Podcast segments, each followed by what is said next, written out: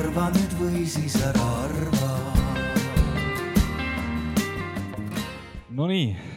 tervist kõigile, kes on juba tulnud ja tulemas, eks neid tuleb siia veel juurde ka. spordi ja kogukondade teemal siis järgmised poolteist tundi räägime ja, oleme saanud siis sellesse hubasesse telki siia kokku, võib öelda, et äh, spordikogukondadest rääkimiseks äh, täieliku raske kahurväe. teen äh, kiire sellise tutvustuse ja siis iga kompanjon siin saab ka paar minutit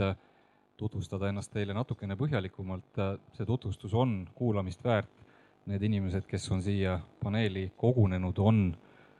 nagu öeldud, raske kahurvägi kõiges, mis puudutab sporti, spordikogukonda ja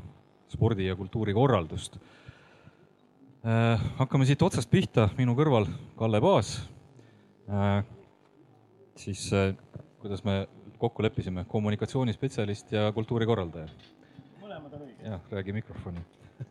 siis kuulevad meid kõik. Ainar Sepnik, Lääne-Virumaa, tema suuri jalajälgi täis spordis ja Ida-Virumaal ka käpp sees ja, ja mitte ainult käpp, vaid ka, ka, ka jalad ja pea. Karin Lipstuul, Pärnu vapruse kogukonna juht, Eesti jalgpalli raputanud kõige positiivsemas mõttes, millega räägib tema ise, ja Arto Saar, sai ta tituleeritud Järvamaa patrioodiks ja superaktivistiks ja, ja kui Arto siis ennast tutvustab, siis kindlasti saame ka aru, milles see superaktivism seisneb. aga igaühel paar minutit, teeme väikse ülevaate. Ja ähm, esiteks, Marek, aitäh kutsumast, et äh, ma arvan, et see, kuidas me täna siin istume ja, ja oleme, on see, kuidas äh, üks kogukondlik spordiklubi võiks tegutseda ja kuidas, kuidas nad ka tegutsevad, eks ole, et me saame kokku, me arutame, me õpime üksteiselt ja, ja noh, võib-olla ka siis käivitame midagi, eks ole, arutelu tulemusel, kui mitte siis koos, siis igaüks selles kohas kandis, kust me nagu tuleme, nii et nii et hästi suur hea meel on siin, siin olla ja, ja usun, et tuleb äge arutelu. Kalle ikkagi väga tagasihoidlikult äh, hakkab kohe rääkima asjast, aga mitte endast äh,. ütlen siis ise ära, et Kalle Paas on see mees, kes äh, no ma, kui ma ütlen ainuisikuliselt, siis ta hakkab protestima, aga, aga, aga võtan ikkagi selle vastutuse üsnagi ainuisikuliselt vastutas siis selle eest, et mõni aasta tagasi Tartusse kerkis Sepa jalgpallikeskus, esimene Eesti spordirajatis, mis sai tehtud crowdfunding'u või siis ülerahvaliku ühisrahastuse toel ja kindlasti sellel Sepa jalgpallikeskusel natukene ka peatume, kui, kui ühel näitel sellest, äh, mida on võimalik spordikogukonna ühistöös siis korda saata. koos, koos meeskonnaga tegime seda, pean ütlema, et see on kõige olulisem. Ainar. tere ka minu poolt, et kui Marek mulle kirjutas, siis tegelikult ma vaatasin, et kuidas ma nende jalgpallurite sekka sattunud olen, et ja praegu tulin selle peale, et ikkagi tänu jalgpalli, et me mängisime Marekuga Rahvaliiget koos üksteise vastu. Et ähm, aga minu puhul on vist natuke keeruline mingi spordialaga paralleeli tõmmata, et äh, lühike äh, lugu on see, et tänaseks kolmteist aastat korraldasin oma kogukonnas väikest jooksu Viru-Nigulas Lääne-Virumaal. Äh, siis suure ringiga olin Tallinnas, äh, töö tõi mind Lääne-Virumaale tagasi, eelmised neli aastat töötasin omavalitsuses, olin spordijuht. Siis sellel ajal käivitasime Lääne-Virumaa jooksusarja, viis aastat oleme maakonna jooksusarja vedanud. siis juhtumisi sain endale spordiliidu vedada Lääne-Virumaal siis ja, ja pärast valimisi tegin väikse stopi, korraks tõmbasin hinge ja nüüd olen otsapidi üldse Ida-Virumaal Jõhvis, et et võib-olla siis minu back-up on ikkagi selline jooksukorraldaja, spordiürituste korraldaja ja nüüd olen võib-olla rohkem sellisesse kergejõustiku tausta jõudnud, et siin äsja avasime Heino Lipu staadioni Jõhvis ja, ja nii edasi, et aga üsna niisugune mitmekülgne ja imestan neid inimesi, kes siin kõrval on, et, et tean ja vaatan ja, ja mõtlen, et nendel vist on rohkem kui kakskümmend neli tundi päevas. järgmisena Karin, Pärnu Vapruse jalgpalliklubi kogukonnajuht Pärnu vaprus on siis, kes ei tea, pagareas Gert kindlasti teab, Pärnu ja mitte ainult Pärnu, vaid kogu Eesti kõige vaadatum spordivõistkond viimase kahe aasta jooksul, ka praegusel hetkel siis jalgpalli premium-liiga vaadatavuse tabelit juhtimas ja see töö on tulnud läbi kogukonna. see tulemus on tulnud läbi kogukonna? Mm, aitäh, väga lahke sinust äh,. aitäh kutsumast, au, rõõm on olla siin. Ja jah, et mina siis olen äh, Pärnus nüüd kolm pool aastat tegelikult äh,. ise olen korvpallitaustaga, aga et spordijuhtimine viis mind äh, kogukonna tööni. ja praegu toimetan seal ja jalgpall on väga südamelähedane ja saab lähemalt rääkida siis ja järgmisena mees, kes järvamaalastele kindlasti tutvustamist ei vaja, Arto Saar. Arto peale mõeldes esimesed asjad, mis tulevad meelde, on Järva-Jaani, Järva-Jaani sada, Paide-Türi rahvajooks ja Paide linnameeskond. jäi midagi veel sealt tähtsast loetelust välja? no sa ikka üldse kursis ei ole, ma saan aru, et tere, tere kõigile ja, ja tore siin olla Äh, tegin nalja tegelikult, et äh, siin enamus sai tõesti ära öeldud, et olen äh, pikalt olnud Järva-Jaani jalkameeskonna eestvedaja ja ka valla tasandil nii-öelda üritusi, asju korraldanud. võib-olla üle-eestiliselt kõige tuntum on tõesti Järva-Jaani sada, kus me alustasime äkki kuus aastat tagasi äkki diskgolfi maratoni ja nüüd on neid juba üle Eesti mitmel pool toimumas ja sada korvi üle Järva-Jaani ja ja loetud minutitega on nelisada kohta läbi müüdud ja tung on suur. Aga, aga lisaks siis äh, diskgolfile ja jalgpallile siis on tõesti ka Järvamaa sport hingelähedane Paide linnameeskonna äh, arendusjuhina praegu toimetamas ja ka Järvamaa Spordiliidu äh, juhatuse esimees hetkel ja ka sel aastal Paide-Türi rahvajooksu projektijuht, nii et tegemisi jagub ja, ja jah, on tore toimetada spordivaldkonnas. Ja spordisaavutustest võib-olla eredam moment on aastast kaks tuhat kaheksa, kui ma tulin jõudi sumo meistrivõistlustel Eesti kolmandaks mitmekülgsus äh, kaunistab meest, muidugi kehaehituse järgi vaadates sumosse võib-olla ei, ei kategoriseerikski sind, aga. Äh, see oli niimoodi, et äh, seal on kaalukategooria kaheksakümmend viis ja ma võtsin kuu ajaga neli kilo alla spetsiaalselt selle ürituse jaoks, nii et noh. sumos võetakse juurde ikka võistlusteks ju aga jaa, selline seltskond on meil täna siin koos ja teemaks on sport kui kogukondade ühendaja. Aga me saame kindlasti selle pooleteist tunni või nüüd natukese vähema jooksul vaadata siis otsa ka sellele, kas sport saab olla teistpidi ka kogukondade lõhestaja. mida see spordikogukonna töö tegelikult tähendab, mida ta tähendab sellele inimesele, kes teda teeb, mida ta tähendab äh, kogukonnale laiemalt, kui vaadata spordikogukonnast väljapoole ja jõuame ehk puudutada ka valusamaid teemasid äh, spordiinimestele kõigile kindlasti väga, vägagi teada ja tuttav probleem ehk et läbipõlemine ja loomulikult ka suhted siis äh, võimukandjatega, kõrgemate ja madalamatega, kohalikud omavalitsused riigi tasandil ja, ja taristu ja kõik muu. aga kui siit otsast nüüd pihta hakata, siis äh, kui keegi teist nüüd võtaks haarata mikrofoni ja prooviks defineerida võimalikult nii-öelda fookuspunktiliselt, äh, mis asi on tegelikult spordikogukond kui selline? mina hiljuti lõpetanud äh, magist-, magister kogukondade arendamise alal, äh, siis defineerisin ise selle ühe lausega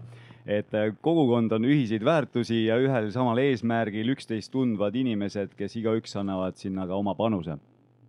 Sõnastus oli täpselt selline? no umbes täpselt paar komakohta siin-seal, aga noh, seda võib ilmselt ka spordi osas üle kanda, ma usun.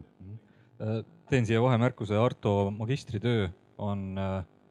moodsale ajale kohaselt moodne Youtube'ist leitav videoformaadis esitatud magistritöö, nii et väga hästi tehtud, väga hea vaatamine. Kalle, sina olid üks esimesi Eestis, kes kogukonda spordis hakkas ütleme siis defineerima ja kasutama mm.. Ma lisaksin sellele väga heale definitsioonile sellise täienduse, et et, et äh, tihti mõeldakse sellest äh, spordiklubi kogukonnast kui ainult nendest, kes otseselt trennis käivad või, või otseselt need, kes, kes juba käivad tribüünil, aga, aga ma arvan, et noh, me kõik siin nõustume, et kogukond äh, niimoodi sisse suumides, et seal on nagu erinevad grupid, mida ma siinkohal noh, tooks ka nagu valju häälega välja, et, et kogukond on nii treenitavad kui nende emad, isad, õed, vennad, inimesed, nende sõbrad, kes võiksid ka tribüünile jõuda, kogukond on ka toetajad ehk siis sponsorid, sponsorid, koostööpartnerid, igasugused tarnijad tegelikult, kes on kokkupuutes spordiorganisatsiooniga ja kogukond on ka ametnikud ja, ja poliitikud lõpuks, kes elavad samas linnas ja, ja kõigi nendega on spordiklubil võimalik leida kokkupuutepunkte, asju, millesse nad mõlemad või kõik usuvad. et tegelikult see kogukond, millest me räägime, ma arvan, on noh, päris suur, et, et mõned pildid sellest, et siis võib-olla seda niimoodi ühiselt suurelt ette kujutada. mainisid sa sponsorit ka selles loetelus? mainisin küll, sponsoreid tuleb mainida. hästi äh,. Ainar, sina oled, nagu sa ise ka tõid siia välja, sattunud ütleme siis väga paljuski jalgpallitaustaga inimeste hulka, aga ometi sa toimetad tegelikult Rahvaliiga pundi saatsid sa laiali, ma sain aru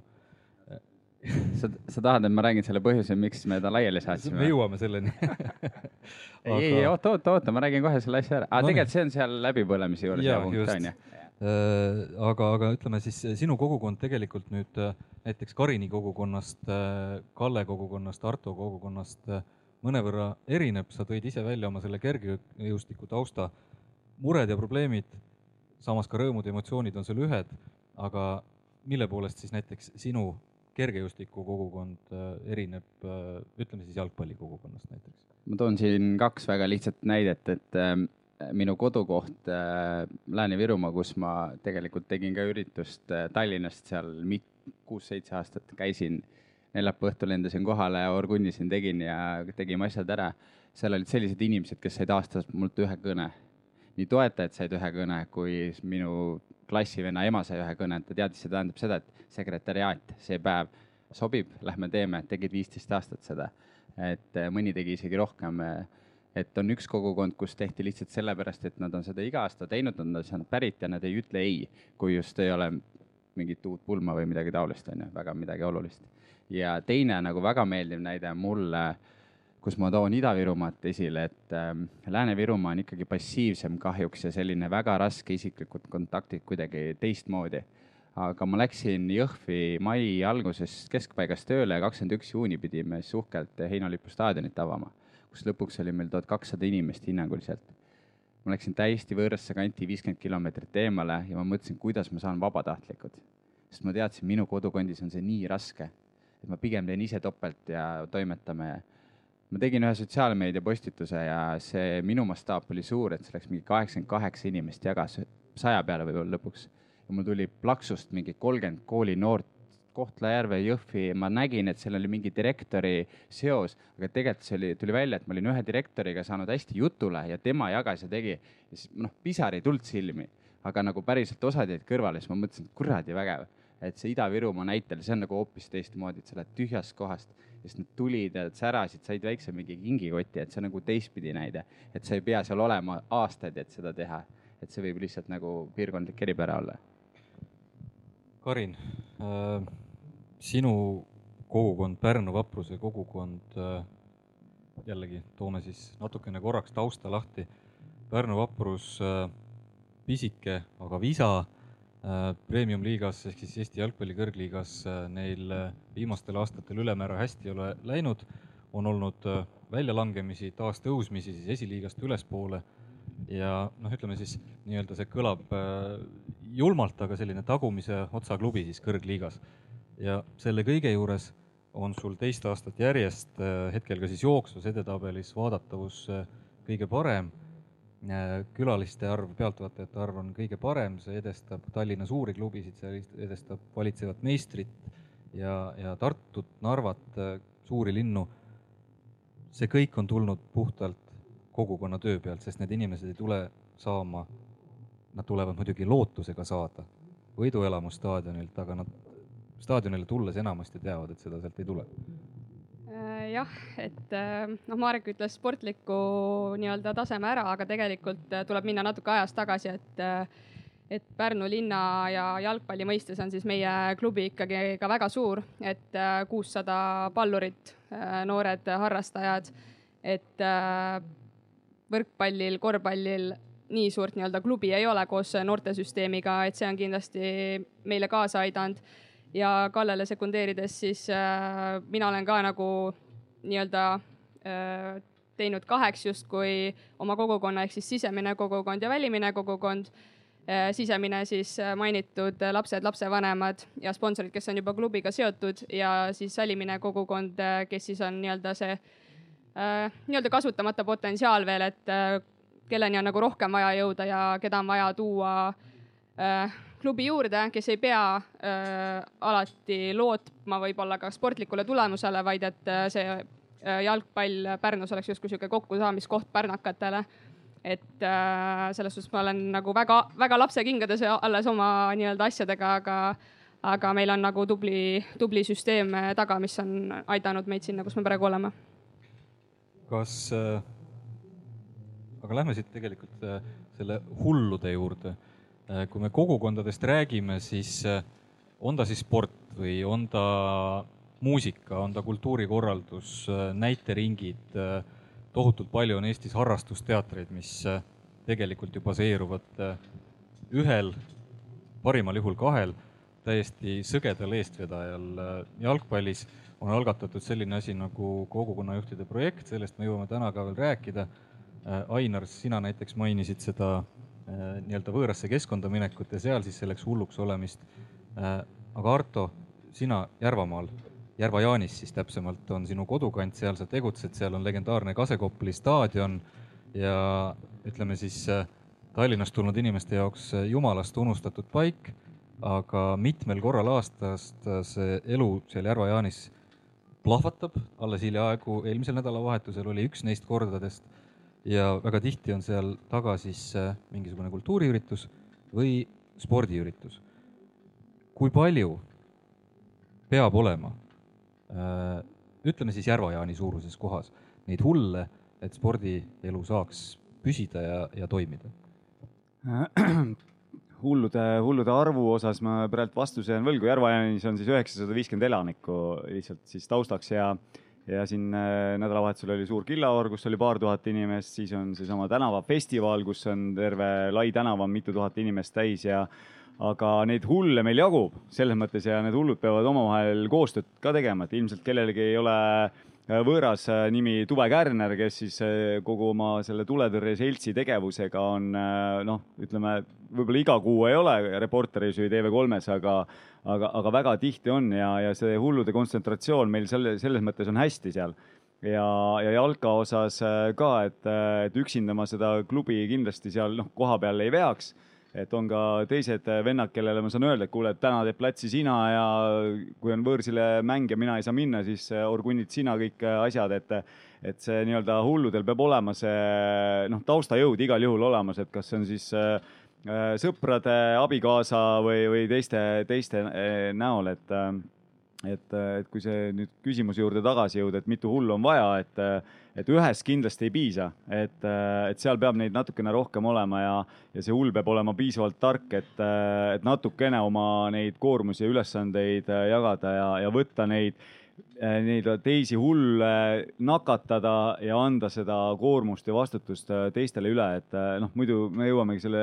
noh, kurvema teema juurde, kus ongi see läbipõlemine ja sa jooksed üksinda ja mõtled, kus kohas see veepudel on ja kas telk sai ja kas killustikuhunnik sai ikka ära ja nii edasi, nii edasi, et, et kui sul on nagu tiim taga, natukene ette mõtled ja jagad seda ülesandeid, siis on kõiki asju lihtsam teha. Kalle, kas sina julged öelda, provokatiivne küsimus tegelikult ja seda ma ei mõelnud üldsegi mitte ise välja, aga aga, aga kas natukene võib juba öelda, et Eesti spordis ollakse liikunud ka siis ütleme harrastusspordi, amatöörspordi tasemel sinna suunda, et see hulludel baseeruvate kogukondade aeg hakkab läbi saama. Mõeldud on seda tõenäoliselt siis nii heas mõttes kui halvas mõttes, ehk et on hakanud toimima mingisugune teatav organiseerumine Äh, või, või see hulludel, üksikutel hulludel püsiv kogukondlikkus jääb endiselt ikkagi alles?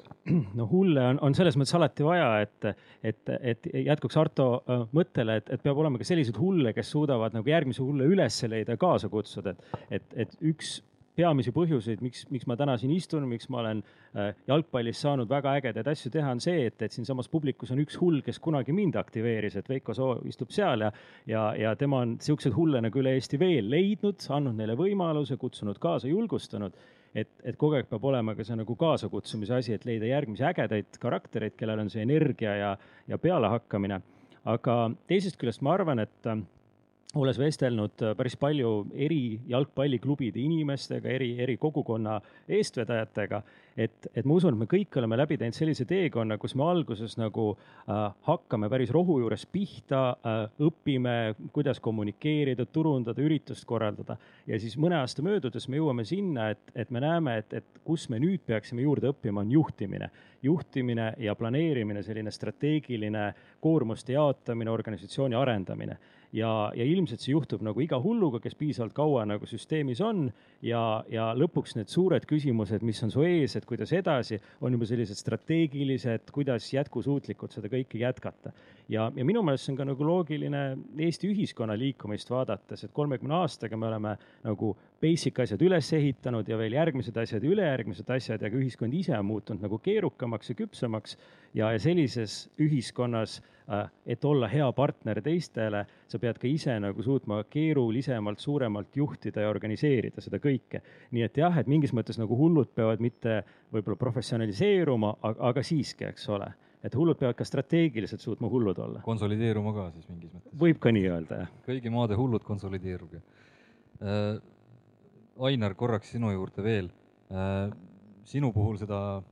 üksiku hullu nimetust äh, võib-olla passibki kõige paremini kasutada, eriti kui ma mõtlen tagasi sinu äh, Lääne-Viru tegemiste peale, mis ju tegelikult kestavad endiselt veel.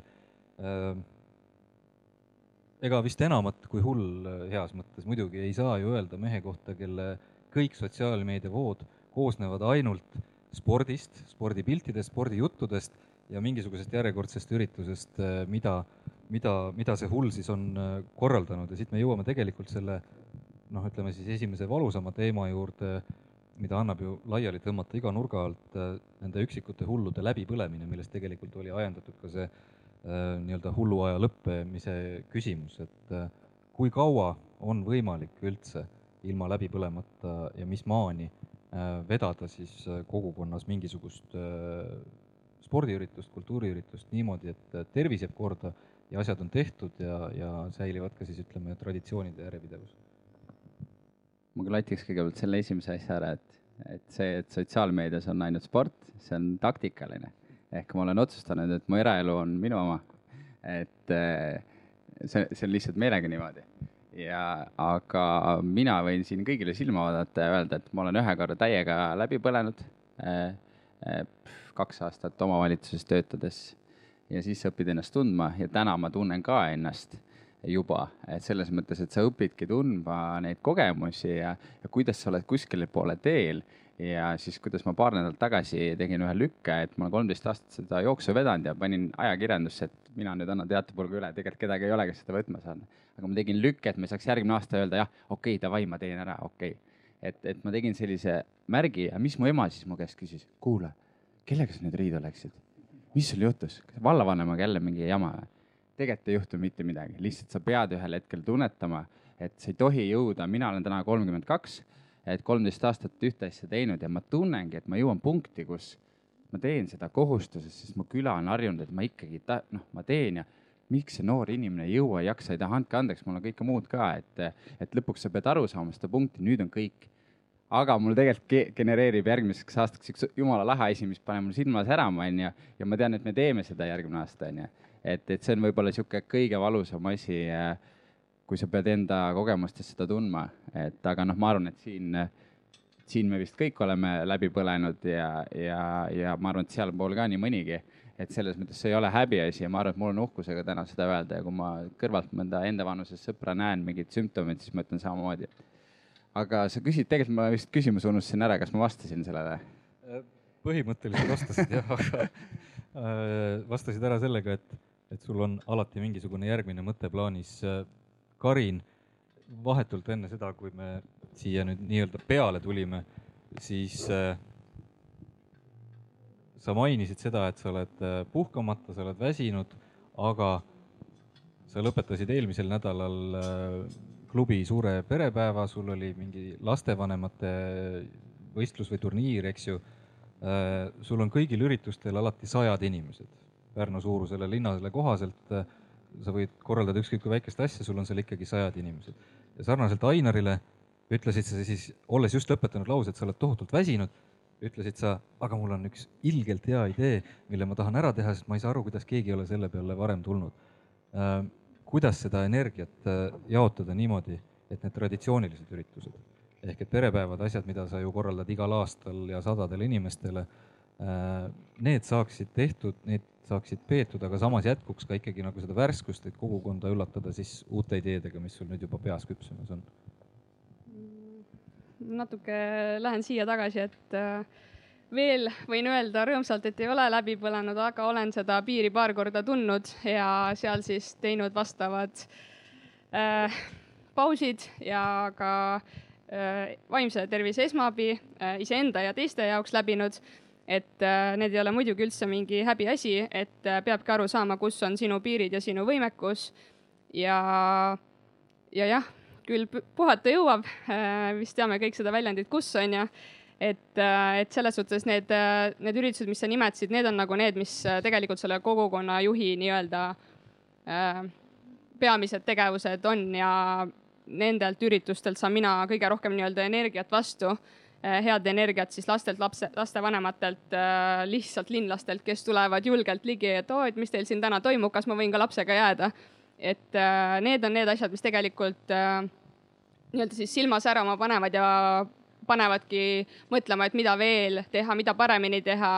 äh,. noh, jätkusuutlikkus on siin väga õige sõna, et äh, perepäeval ka oleme sidunud asjad äh, heategevusega ja heategevuslikke ja sotsiaalseid projekte on meie klubis veelgi. nii et äh, need on need, mis alati nagu energiat juurde annavad ja küll selle puhkuse leiab ja selle piiri peab siis ära tajuma tõesti, et äh, kust maalt on enda, enda nagu võimekus ja piirid, sest et äh, meie klubi juhtkond on väga väike ja tuleb mul teha tegelikult äh, väga palju erinevaid nii-öelda täita erinevaid töökohustusi, mida ma võib-olla esialgu ametijuhendist ei leidnud, aga mida ma teen nagu Pärnu, Pärnu selle jalgpalliklubi vapruse nimel ja nende, nende laste ja perede ja kogukonna nimel, kes meil vapruses on ametijuhendist ei leidnud ja. mul oleks üks repliik, et mis mul tuli meelde siin eh, natuke läheb kokku selle teemaga, et eh, minu elus oli tõehetk eelmine aasta novembris, kus ma siis sain palgatööst vabaks omal vabal valikul, kuna ma tahtsin natuke suuremalt poliitikas lennata. ja siis tegelikult, eh, kui sa korraldad üritusi, ehk ma tahaks öelda, et meil on mingi palgatöö, mis toob meile justkui põhitöö sisse siis me korraldame, meil on, mina ütlen, et tasuta hobid on ju, ma sain aru, et neid kuradi tasuta hobisid on natuke liiga palju. aga see paneb silma särama, teen siin, aitan se seal on ju. ja ma sain aru kuskil novembrikuus, kui ma siis läksin põhitöö pealt spordijuhina ära ja läksin volikokku ja tegin mingeid aruandeid, mingeid taotlusi, mingeid asju. ma magasin pikemalt, tegelikult nagu tempo oli sihuke, siis ma mõtlesin, et aga millal ma põhitööd tegin, et tegelikult siis me teemegi oma seda põhitööd niimoodi, et enne seda jooksu, noh, eelmine nädal samamoodi tõmbasid ribad, eks on ju, hommikul mingi päev oli, aga tegelikult, miks mina ütlen täna, miks mulle meeldib, ma lähen konflikti enda tavatööga, ehk ma kardan, et äkki ma jään sealpool lohisema. pool kuus tõusin üks päev üles, tegin mingit eelarvet, on ju, siis sa ei taha põhitöö peal, pärast siis sa aitad järgi. aga see lõpuni sa ei jõua, on ju, siis sa peadki tunnetama seda, vaata see ongi nagu see ohumärk, on ju. et me tegelikult ju teame, et me ei korralda üritust pool aastat ette, põhiasjad on ikka viimastel nädalatel, see on paratamatu, on ju. et nagu see on see koht, kus minul avanesid silmad, siis ma mõtlesin, et et tegelikult mul põhitööd ei ole, aga ma ikka, ikka mul kiire kogu aeg sa tõid tegelikult jube hea punkti välja, Arto, sa oled ju jube palju üritusi korraldanud. Äh, kogukonna ootus tekib äh, ajas, kogukonna ootus ka kasvab ajas. Äh, sa mainisid seda Disc Golf sada, mis sa ütlesid, nelisada kohta on sul seal. minutitega müüd sa selle välja. väga tihti tekib seal mingisugune teatav konflikt, kui sa kogukonna jaoks organiseerid mingisuguseid asju konflikt number üks ja kõige peamine on see, mida ka Ainar tõi välja, inimesed ootavad, inimestel tekib ootus, et sa teed ja korraldad seda. kui sa saad sinna vabatahtlike juurde, nagu Ainar Ida-Virumaale siirdudes äh, nipsust sai, väga hästi ja kõik toimib. Äh, aga samas need ootused võivad minna teinekord ka üle piiri selles mõttes, et kui sa panustad oma kogu vaba aja kogukonnale, nagu sina, Arto, näiteks konkreetselt praktiliselt teedki ma ei tea, mismoodi see üldse võimalik on, et siis sinu ööpäevas on sama palju tunde kui mul. aga kust maalt see piir jookseb, kus äh, näiteks äh, Järvamaa superaktivist Arto Saar tõstab käed üles, ütleb sõbrad, kõik ma praegu rohkem ei jõua no,? ma ei tea, et äh, see, see piir selles mõttes on kompamata, et ma, kui sellest läbipõlemisest oli korra juttu, ma hakkasin mõtlema, et kas ma olen läbi põlenud või ei ole. omast arust ei ole, kogu aeg saan kütet juurde, mul on nii erinevaid äh, nii-öelda teemavaldkondi ja inimesi, kes mulle nagu seda kütet juurde annavad. Aga noh, pigem ongi see küsimus, et noh, kuskilt peab lõivu, lõivu maksma, et tõesti võib-olla on see pere äh, noh, nii-öelda arvelt on ju, et noh, kui äh, pere ootab, et kuule, et läheks väljasõidule, aga ma nüüd pühapäeval tegelikult teen discgolfi rajal talguid hoopis onju ja, ja teeme uued tiialad, et äh, Openiks septembris valmis olla, et noh, siis ongi see küsimus, et kuule, et aga, aga millal me maja ehitame onju, et millal me oma asja teeme onju et, et ühelt poolt ma nagu läbi põlenud pole, aga, aga, aga mingil hetkel tõesti nagu see piir tuleb tõmmata, on mingid hetked, kui sa panedki noh, noh, viimased kolm nädalat on päris pöörased olnud, ennem seda ka. Siis ja et, et siis on nagu küll, et noh, et millal siis toimub või ei toimu või noh, millal ma nagu perega saan olla või aga, aga samas, kui talvel on mingid rahulikumad perioodid ja oledki seal noh, kodus mingil hetkel siis mõtled, et aga po-po-po, et noh, siis ma lähen närviliseks, et, et nagu ei olegi midagi teha või et noh, et, et mulle nagu pigem selline minuti pealt ja, ja selline action nagu annab nagu kütet juurde, et ma, nagu see on minu meelest hea ja noh, enamasti saavad ikka asjad tehtud ka minuti pealt täpselt, et ja, ja aga see piir, no võib-olla ei ole kaugel, ma ei tea. Aga viimased kakskümmend aastat on nagu selle tempoga pandud. Loodan, et järgmised äh, kuuskümmend samamoodi äh, saame, paneme sama tempoga ja, ja, ja need inimesed, kes on ümber, nemad annavadki kütet, et kui sa jääd seal üksinda oma Peeru peale, noh, Peeru valgus selles mõttes äh,, nagu põlema on ju ja põledki läbi, et siis on jama, kogu aeg on inimene, kes seda nii-öelda hagu juurde annab, et siis on nagu okei. okay ma ei tea, kas see oli loogiline ka või ei olnud ühesõnaga, ma küsisin ikkagi väga vale inimese käest, kes tunnistab, et ta ei ole läbi põlenud ja ta ei tea, mis hetkel see käte ülestõstmine võiks tulla. võib-olla jah, ma ei tea, mis see on nagu, et võib-olla on see olnud, aga ma ei saa aru sellest. Äh, tuleme selle juurde tagasi, aga Kalle, tegelikult äh, väga hea äh, nüansi tõid sa siia sisse, sa rääkisid korraks juhtimisest, juhtimisest just nimelt selle nii-öelda mm, mitte siis ainult finantside või protsesside, vaid ka inimeste juhtimise Äh, mõttes sina ise tagasihoidlikust raadiohäälest muutusid sa ühel hetkel äh, jalgpallifänniks, sealt muutusid sa jalgpalli äh, see päädis siis sinu noh, ütleme senise elu vist võib öelda ikkagi hetkel suurima mälestussambaga selle Sepa jalgpallikeskusega. kui palju seal nüüd juhtimise juures Sepa jalgpallikeskus crowdfunding või, või ühisrahastuse peal äh, Äh, püsti pandud asi, kui palju seal tuli juhtida üksikuid hulle, hullude gruppe, neid koos hoida, mismoodi motiveerida neid äh, üksikuid hulle ja hullude gruppe, et nad püsiksid ja ei põleks läbi, enam Arto Otsa läbipõlemisest rääkides ei vaata, aga ei põleks läbi. läbipõlemiskindel inimene um,. Jah äh, ma, ma alustaksin võib-olla hoopis teisest kohast, et, et, et iga spordiklubi või, või ka äh, kultuurisündmus, eks ole, on, on olukorras, kus raha on vähe, ressursse on vähe, asju on vähe, äh, inimesi on vähe ja aega on vähe ja, ja olukorras, kus, kus raha, mida inimestele nende andekuse, pealehakkamise, töökuse ja pühendumuse eest maksta on vähe, et siis peab olema mingi teine asi, mis inimesi töös hoiab, motiveerituna hoiab ja, ja minu jaoks on see hästi-hästi nagu lihtne asi, see on, see on tänamine, tunnustamine ja, ja inimestest hoolimine laiemalt. et, et ma arvan, et iga protsessi ürituse jaoks on, on vaja nagu inimesi, kes omavahel üksteisest hoolivad, keda tänatakse, tunnustatakse, tagasisidestatakse. et, et see on nagu võib-olla kõige lihtsam juhtimise, juhtimise siis osa, eks ole, noh, mida, mida me kõik teeme, on ju ja, ja kui nüüd tulla Sepa juurde, siis, siis ähm, endisele Tartu katseremondi ähm, tehase staadionile äh, kunstmuru väljaku ja altkütte ja elektri ja treeningväljaku ja pesemisvõimaluste kõige selle loomine. et, et see oligi kõige rohkem selline protsess, kus tuli nagu hästi palju inimestelt äh, küsida kaasamõtlemist, kaasa tegutsemist, et kõigepealt nagu see plaan äh, selgeks mõelda sest noh, vajadus väljaku järgi arusaadav, igal pool on väljakuid puudu ja igasugust taristut võiks rohkem olla. aga selleks, et nagu esitada nüüd äh, Tartu linnale, inimestele ja tervele Eestile nagu hea plaan, et mida me siis teeme, et midagi paremaks muuta. me kõigepealt küsisimegi hästi palju kaasamõtlemist äh,, ideid, vaateid äh,, argumente ja tänasime selle eest. ja, ja siis, kui me tegime ühisrahastuse ettevalmistused, siis Tartu tarkvaraettevõte Newway äh, tegi meile mitmekümne tuhande eurose töö tasuta, sest samamoodi me olime suutelised neile pakkuma väga kvaliteetse plaani, läbimõeldud plaani ja, ja taaskord me, me äh, ütlesime aitäh neile veel enne, kui töö pihta hakkas. just ja need New Way tüübid, ma kujutan ette, olid ka tegelikult selle lõpptulemusega rahul, sest nad tabasid ette ära ühe olulise asja. Sepa jalgpallikeskuse kampaania sai tolle aasta, aasta turundusteo tiitli, kui ma õigesti ka seda ja, ja ka seda, et, et, et kui me kaks tuhat viisteist novembris kampaania välja kuulutasime, siis me teenisime seitsmekümne ühe päevaga sada viiskümmend tuhat eurot, sest inimesed ostsid siis virtuaalseid ruutmeetreid ja, ja see oli superäge lahendus Newway poolt, aga, aga lisaks neid ruutmeetreid aitasid müüa ka jalgpalliklubi kogukonna liikmed. meie sõnum oli ju see, et, et kui igaüks teist leiab kaks või viis või kümme annetajat, siis me teeme selle ära. et kui mina ja, ja Kaarel Kiidran ja Erkki Tarro ja teised klubi tuumikus olevad inimesed leiavad igaüks noh, sada annetajat, siis me ei jõua kuskile. et meil on vaja kolme tuhandet annetajat ja selleks on vaja, et, et kõik kogukonna liikmed mõistaksid ja, ja, ja aitaksid kaasa. Nii et äh, seal tuli nagu see juhtimise ja motiveerimise ja asjade selgitamise element nagu hästi-hästi tugevalt sisse ja me ei olnud keegi seda õppinud. Ja, ja siiamaani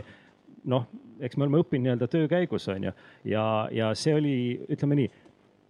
meie ümber on palju heatahtlikke inimesi, kes anne, an, andestasid ka meile meie eksimused ja, ja meie võib-olla naiivsused, kus me ei osanud mõnda asja kohe nagu üliprofessionaalselt teha. aga see ongi see siiruse mõõde, et, et inimesed nägid, et, et meie punt tahab midagi teha ja hästi ausalt ja siiralt ja, ja siis ikkagi tuldi kaasa ja küsitud, et poisid, et kas te olete kõik nagu finantsjuhiks ikka õppinud ja, ja, ja ehitusinseneriks ja, ja nii edasi, et, et siirust on vaja. no juhtimist saab vaadata ka teise nurga alt. Karin, sina mainisid seda, jäi kõrva, et teie klubi kontor on väga väike. no sa olid seal selles mõttes nagu tohutult tagasihoidlik.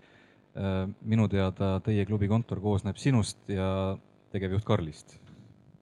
ja president Jaak A. ja president Jaak A. Äh, Karl, klubi tegevjuht, sina, klubi kogukonnajuht ja te teete sisuliselt siis kahekesi, ütleme selle operatiivtöö, igapäevatöö ära. kumb seal siis kumba juhib ja, ja kui kogukonda juhitakse, siis keda kogukonna juht tegelikult juhib? Ehm, meil on hea koostöö, seda kindlasti tuleb äh, mainida, et, äh, et me teeme nagu sama asja nimel äh, neid kakskümmend neli seitse päevi, töötunde, et, et kuidas sa, kuidas sa küsisid selle kogukonna kohta, mis sa täpselt tahtsid keda, teada? keda kogukonna juht tegelikult juhib? No, kas tahan... emotsioone või inimesi? Ehm, no mina pean mõlemat tegema selles suhtes. Äh, kumba lihtsam on teha? Äh, no eks inimesed on eriarvamustel, nii et äh, ma ei saa öelda, kas lihtsam või mitte, aga aga eks äh, jah, see ei ole päris ainult nii, et mina ütlen, teeme nii ja siis kõik tulevad kaasa, et lõpuks on ju alati hästi palju erinevaid arvamusi, hästi palju erinevaid inimesi meie kogukonnas, nii et tuleb leida nagu kõigile see, mis neid kõnetab ja kuidas nemad äh, siis äh, meie kogukonda kuuluda saaks ja võiks. no juhtimistasandeid on ju ka mitu. Ainar, sina oled omavalitsustegelane ka, oled olnud enne, oled ka praegu mul isiklikult näiteks on hinge peal üks väga konkreetne kogukonna äh, lugu. ma ei julge seda rääkida otse nimedega, ütleme siis, et äh, Lõuna-Eesti ja Kesk-Eesti piiril asuv äh, omavalitsus, kus oli, just nimelt oli ääretult aktiivne spordikorraldaja omavalitsuse palgal. Ja ta jäi poliitiliste tõmbetuulte keerisesse jäi siis äh, valimiste järel vahetunud uuele võimule jalgu põhjustel X, seal võib olla neid põhjuseid ju kümneid või, või, või, või sadu, mida siis annab välja tuua. Äh, aga fakt on see, et äh, too mees, kes oli siis teinud valla spordijuhina tööd viisteist aastat, tekitanud enne haldusreformi väga pisikese, pisikene, pisikesele vallale tugeva spordikantsi maine, tekitanud seal äh, laste sporditraditsioonid, täiskasvanute sporditraditsioonid, äh, fondidest taodelnud tohututes hulkades raha, äh, aidanud ehitada staadioni ja, ja muud taristut. põhimõtteliselt söödi siis poliitiliste tõmbetuulte tagajärjel oma, oma kohalt lahti. nüüd ta töötab naaberomavalitsuses, saab ka puhata, jälle läbipõlemise juurde jõuad ikkagi otsaga tagasi Ainar, kas sellised tõmblused äh, poliitilistel põhjustel, poliitilistel tagajärgedel heade inimeste eemale peletamine spordikorraldusest ja kogukonnakorraldusest, on see, on see sulle tuttav teema, oled sa seda näinud ise, oled sa seda ise kogenud omavalitsustegelasena? Kin-, kindlasti, aga minul on selles mõttes nagu hea näide võib-olla niisugusest sihikindlusest, et äh, ma ütleks võib-olla siia algusesse ära, et äh, normaalne spordiinimene ei saa üldse omavalitsust toetada, kus omavalitsusjuht ei ole spordiinimene, sealt ei tule mitte midagi. see on täiesti vastu seina jooksmine. et, et kui sa tahad nagu spordis mingeid õigeid asju teha, siis juht peab natukenegi spordimeelne inimene olema, kasvõi mingi ala mees või naine, siis see on võimalik et äh, minuga tegelikult juhtus selles mõttes äh, mitte sarnane, see olukord oli, ma ise selle tekitasin, et, äh, et ma läksin väga toreda tugeva poliitiku ja ettevõtja tiimi, kes mind võttis tööle, nelja aastaga ma kasvasin ta kõrval natuke ohtlikuks ja, ja tegin väga head tööd ja jätsin hea jälje. aga mina otsustasin, et mul on mingi, mingi hind ja mingi märk ja ma ei olnud nõus pärast valimisi minema paluma tööd või palka, ma ütlesin sorry ja tegelikult see ongi saatus, et ma olingi pool aastat tegelikult lihtsalt niisama ja ma teadsin, minu aeg tuleb ja ma saan edasi liikuda, et mul on selle üle väga hea meel ja täna me saame vallavanemaga väga hästi läbi, onju. et mingid kuud on ikka pärast valimisi keeruline, et aga, aga paraku see nii on mingites kohtades onju, et kus, et sa võid teha supertööd ja, ja koha, kohalikus kohas ikkagi eh, isiksused ja, ja mingid ajalood aastatega lähevad keeruliseks. et ähm, aga see ilmselt siis sõltub sellest inimesest et milline see sporditöötaja on, et paljudele üks-null tehakse ja, ja äkki ma olin siis liiga kange kivi lihtsalt, et ma ei lasknud endaga seda teha. no endine Järva ja Järva-Jaani vallavanem Arto Saar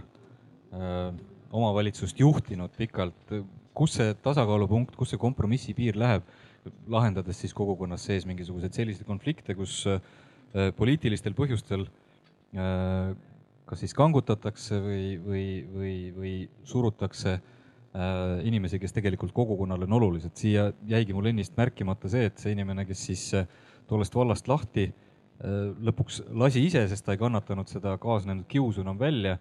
tema heaks siis kohalikud inimesed korraldasid mitmesaja allkirjaga petitsiooni, et vallavõim ei nii-öelda koondaks seda tema kohta, aga seda lõpuks ikkagi tehti sa oled valda juhtinud, äh, valdu võiks ju isegi, võib vist öelda, on ju, sa oled ju kaks raksu olnud vallavanem, eks. et äh, ütleme, see väikeste kohtades konfliktide lahendamine kogukonna liikmete vahel, sealhulgas ka, ka sporti ja kultuuri puudutavas, ei ole ilmselt sulle võõras teema? konflikti lahendamine on vahva asi nali taaskord vabandust, kui halb nali oli, aga tegelikult äh, õnneks äh, ütlen, et äh, et selliseid olukordi nii-öelda Järva-Jaani valla ajal kui ka Järva vallas, siis kus ma nüüd äh, eelmise perioodi poolteist aastat olin, et, äh, et väga pole tulnud, et, et see on nagu väga halb poliitiline kultuur ja, ja loodetavasti see ei ole nagu mingi standard, et, et kuskil noh, kandideeris vales nimekirjas, võttis äh, kellegi viiskümmend häält ära ja siis nüüd hakatakse noh äh,, niimoodi äh, pehmelt öeldes siis kiusama, onju. et äh,, et seda kogemust mul ei ole, konflikte muidugi on äh, vaja võib-olla isegi pigem ennetada ja need inimesed tuleb varem juba kokku viia ja, ja, ja nii-öelda spordiinimesed ja kultuuriinimesed vahel muidugi noh, kultuur on õige ja siis on sport õige ja ja, siis äh, võib-olla mõnes mõttes ongi hea, kui äh, vallavanem oleks mingite asjadega seotud otsapidi, et kas siis äh, teeb rahvatantsu ja sporti mõlemat ja, ja lihtsalt ta näeb seda nii-öelda pilti laiemalt, et, et ta ei, ei vali poolt, et aga, aga samas ta on nagu kõigil olemas, et, et see nii-öelda vallavanemate laia pildi nägemine, ma arvan, et on päris, päris oluline, et, et ta saa, saab nii-öelda juttu rääkida kõigiga ja, isegi kui ta ei tee sporti, siis ta mõistab, et see on väga oluline nii-öelda noh, ühiskonna osa, et ilmselt tasub nendele vallavanematele siis meelde tuletada, et kuule, et vaata, mis sa valimisplatvormis kirjutasid äh, oma nimekirjaga, et seal on kindlasti spordilõik sees, et et, äh, et ma usun, äh, et see näide, mis sa tõid, et noh, ma ei ole õnneks kogenud sellist asja, et, et kuskil oleks minu tutvusringkonnas no, olnud. seal oli ikkagi selles mõttes tõenäoliselt see kõige lihtsam vales nimekirjas kandideerimise teema, võib kujutada, et, et ütleme nii, et igal juhul KOV-is on lihtsam töötada, kui ükski ametnik ei kandideeri. noh, lihtsalt tee oma tööd, siis on hästi. aga samas muidugi, kui sa tahad oma kogukonna eest väljas olla, siis seda teistpidi nii-öelda pärast ette heita, siis see on jälle teistpidi kiuslik, et noh, siin tuleb seda nii-öelda tasakaalu kindlasti leida, aga, aga jah Äh, keeruline see konfliktide teema on ja see, selle vältimine ja mingit valemit öelda, et kuidas seda nüüd äh, teha, siis äh, noh, mina küll ei oska öelda. me võime tõmmata siia ühe sellise mõttelise joone, me oleme rääkinud nüüd natukene sellistest võib-olla natukene kibedamatest teemadest, läbipõlemist oleme puudutanud, Arto jälle ei tea midagi sellest. Ja, ja poliitilisi tõmblusi, mis siis kogukonda ja kogukonna tööd, liikumist on pärssinud. Äh, küsin siia vahele, kas keegi nendel teemadel tahab äh, kaasa rääkida, küsida äh, siin teie ees istuvate inimeste käest. Ja siis me saame minna teise poolega edasi siis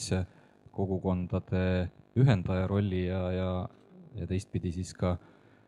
spordikogukondade konfliktide juurde, siis ütleme ümbritsevate kogukondadega. küsimusteks on mikker hetkeks vaba, võite käega märku anda tundub, et ei. ja, toon kohe sulle. spordisõber Toomas on ja ma äh, põnevusega kuulasin, eks ju, et võib-olla jäi inimestel mulje, et, et selline kogukonnatöö ja, ja spordiaktivistiks olemine on selline traagiline ja raske amet, et ma loodan, et see siin kõlama ei jää, eks ju. aga mul on küsimus Karinile, et äh, sa kasutasid väljendit, et, et sul on äh, süsteem. pärast me kuulsime, et teil on kontoris ainult kaks inimest. mind hakkas huvitama, et mis see süsteem tähendab, mida sa selle all mõtlesid ja et minna veel konkreetsemaks, siis näiteks, et kui siin istuks täna Pärnu võrkpalliklubi manager äh, Reio äh, või kes iganes, siis mida sa talle annaksid nõu nagu reaalselt oma kogemustest lähtudes äh,? aitäh kõigepealt äh, süsteemi juurde tulles, ma arvan, et äh, noh, tabeleid ja juhendeid mul ei ole sulle praegu näidata. aga et äh, ma arvan, et siin on hästi oluline märksõna, et nagu ma tõesti teen nagu südamega seda asja. on neid tööülesandeid ja nii-öelda punkte, mida täita, kui palju noh, tuleb muidugi siis sean oma prioriteedid, mida tuleb nagu esimesena teha, mida tuleb jätkusuutlikult teha mille ma pean lihtsalt nagu põhimõtteliselt tegemise pärast ära tegema, mida võiks teha kindlasti paremini, aga nagu mainitud, siis selle inimressursiga võib-olla hetkel, praeguses hetkes ei ole lihtsalt võimalik. sellepärast ma ütlesin ka, et see asi on alles nii alguses, et äh, seda potentsiaali Pärnus on väga palju ja võib-olla siin, äh, kui nüüd võrkpalli ja korvpalli juurde tulla, siis äh, miks ma seda potentsiaali nagu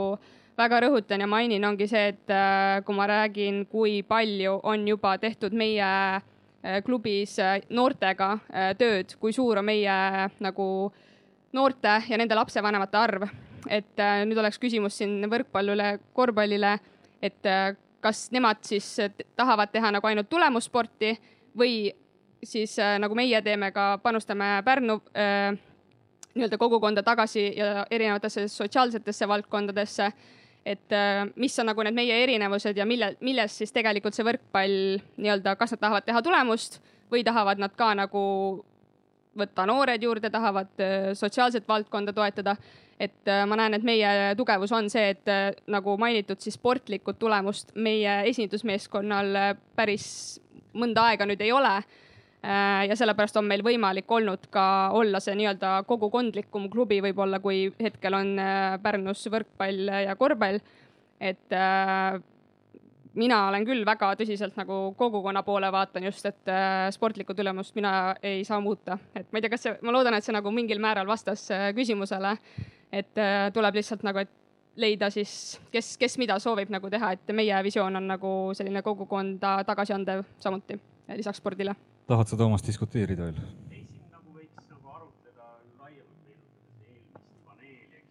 ma annan sulle mikri ka, siis jääb salvestusse ka. Aivar tõi eduloona esile FC Kuressaare, eks ju, et noh, ma väidaks, et Kuressaare võib praegu tabelis olla natuke ebaadekvaatselt kõrge koha peal, et olgem ausad, eks ju. et äh, Kuressaarel ei ole kumbagi, Kuressaarel ei ole sportlikke tulemusi ja neil ei ole publikut ka, eks ju. nii et noh, siin, siin otseselt seda nagu noh, nagu seost ei ole, eks ju, et, et, et sportlik tulemus on kehvem ja selle võrra meil on rohkem ressurssi ja aega teha publikuga tööd või noh, nagu kogukonnaga. et, et see on omaette teema ja, ja seal oli veel see hea võrdlus, et eks ju me kõik teame, et Saaremaa võrkpalliklubi oli selline projekt, mis noh, lõppkokkuvõttes ebaõnnestus, aga kui me nüüd meenutame, millise publiku ta tõi saali, eks ju noh, seal on jälle selliseid anomaaliaid on hästi palju, et, et seal oli mingi, mingid teised hoopis põhjused, mis töötasid ja see läks kogukonnale korda, see ei olnud selline kunstlikult äh, Kuno Tehvalikult äh, tekitatud publik, et toome Keter Jaani vaheajal esinema, eks ju. ja, ja saad korra publiku üles, siin Veiko hakkab närvi minema juba siin jalgpalli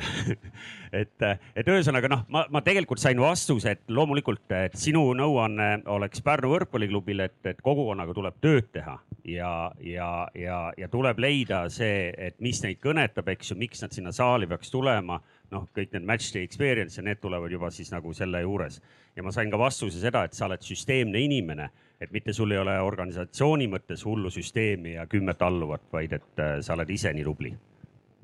ja sa oled, eks ju, aitäh. ja Karin on selline tüüp küll, kellele võib vahepeal teha sellise interim aplausi tema töö eest, nii et. ma tahaks korra siia juurde tuua, et me läksime publiku ja nende näidete peale, et mina olen üks eh, osaline, kes kunagi seal Rakvere Tarva fenomenis oli ja noore poisina võib-olla käis mingeid tantsutüdrukuid ka vaatamas, aga olin alati saalis onju. et see oli mega onju, siis tuli Rapla sama asjaga ja Pärnu, et tegelikult seal on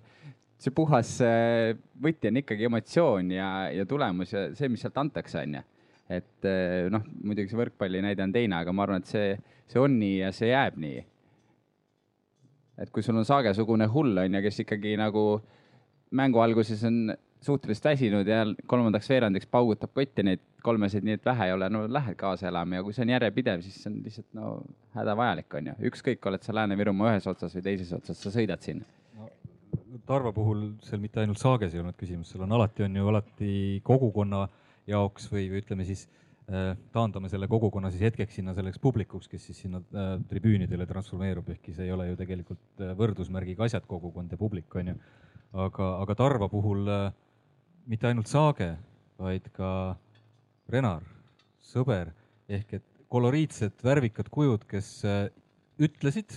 ütlesid mõnikord palju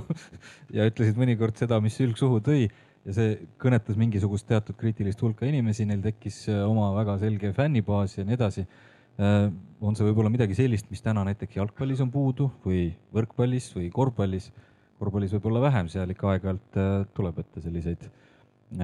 huvitavaid lugusid. jalgpalli huvitavad lood kipuvad olema otsapidi kriminaalsed mingil põhjusel alati, mis nagu siis üleriigilisse meediasse jõuavad, et ja.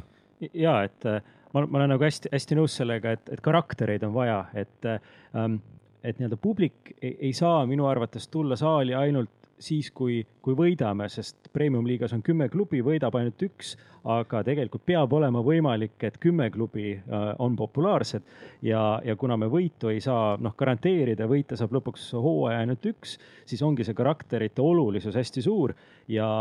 ja üks asi on, et on noh, kindlasti inimesi, kes ongi loomu poolest karismaatilised äh,, julged äh,, out of box, aga, aga teisalt seda kõike saab ka inimestes julgustada, esile kutsuda ja, ja treenida, harjutada, sellest rääkida. et, et see ei ole ainult, et noh, kui nii-öelda sulle antakse äh, Andres Sõber ja, ja, ja Müürsepp ja, ja teised karakterid Saage, et noh, siis nii on, et, et noh, tegelikult seda saab nagu ka julgustada ja, ja lõpuks on see, et noh, inimesed tahavad eh, ehedaid, siiraid, huvitavaid kogemusi ja, ja isiksusi. et, et see, see võit ei olegi ainus asi, mis toob, vaid just peab äge olema ühel või teisel moel. no siin korraks äh, olen üritanud küll olla hästi subjektiivne või objektiivne, vabandust siin ja, ja korraks subjektiivseks minnes, siis tegelikult ju äh, Paide linnameeskonna eile siis õhtul lõpuks otsa saanud euroteekond sellel aastal oma kolmanda ringi avamänguga Tallinnas ju tegelikult väga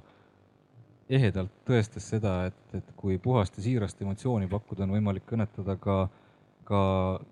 täiesti irrelevantseid kogukondi, kes leiavad tee sinu juurde mingil hetkel sellepärast, et sa oled mingisuguseid hingekeeli nende sees puudutanud. ma, võin Paidet kommenteerida, et olles olnud Tammeka tegevjuht äh, ja, ja olles olnud frustreerunud kõikide nende kaotuste pärast, mis me Paidelt oleme saanud, siis, siis ma täiesti siiralt äh, ütlen, et ma nautisin seda Paide euroteekonda, sest, sest, sest teil on praegu satsis ägedaid karaktereid, inimesi, kes, kes oskavad rääkida, mängu lahti mõtestada, inimlikult rääkida, ägedalt, noh, Voolaid näiteks peatreenerina. ja, ja ka mängijate seas on kogenud mängijaid, kes on ägeda ütlemisega ja, ja mis minu jaoks oli ka üks selline nagu väga äge faktor, on see, et Paide eest käisid platsil ja, ja lõid penaltist sisse kaheksateist, üheksateist, kahekümne, kahekümne ühe aastased tüübid. ja, ja vot see on see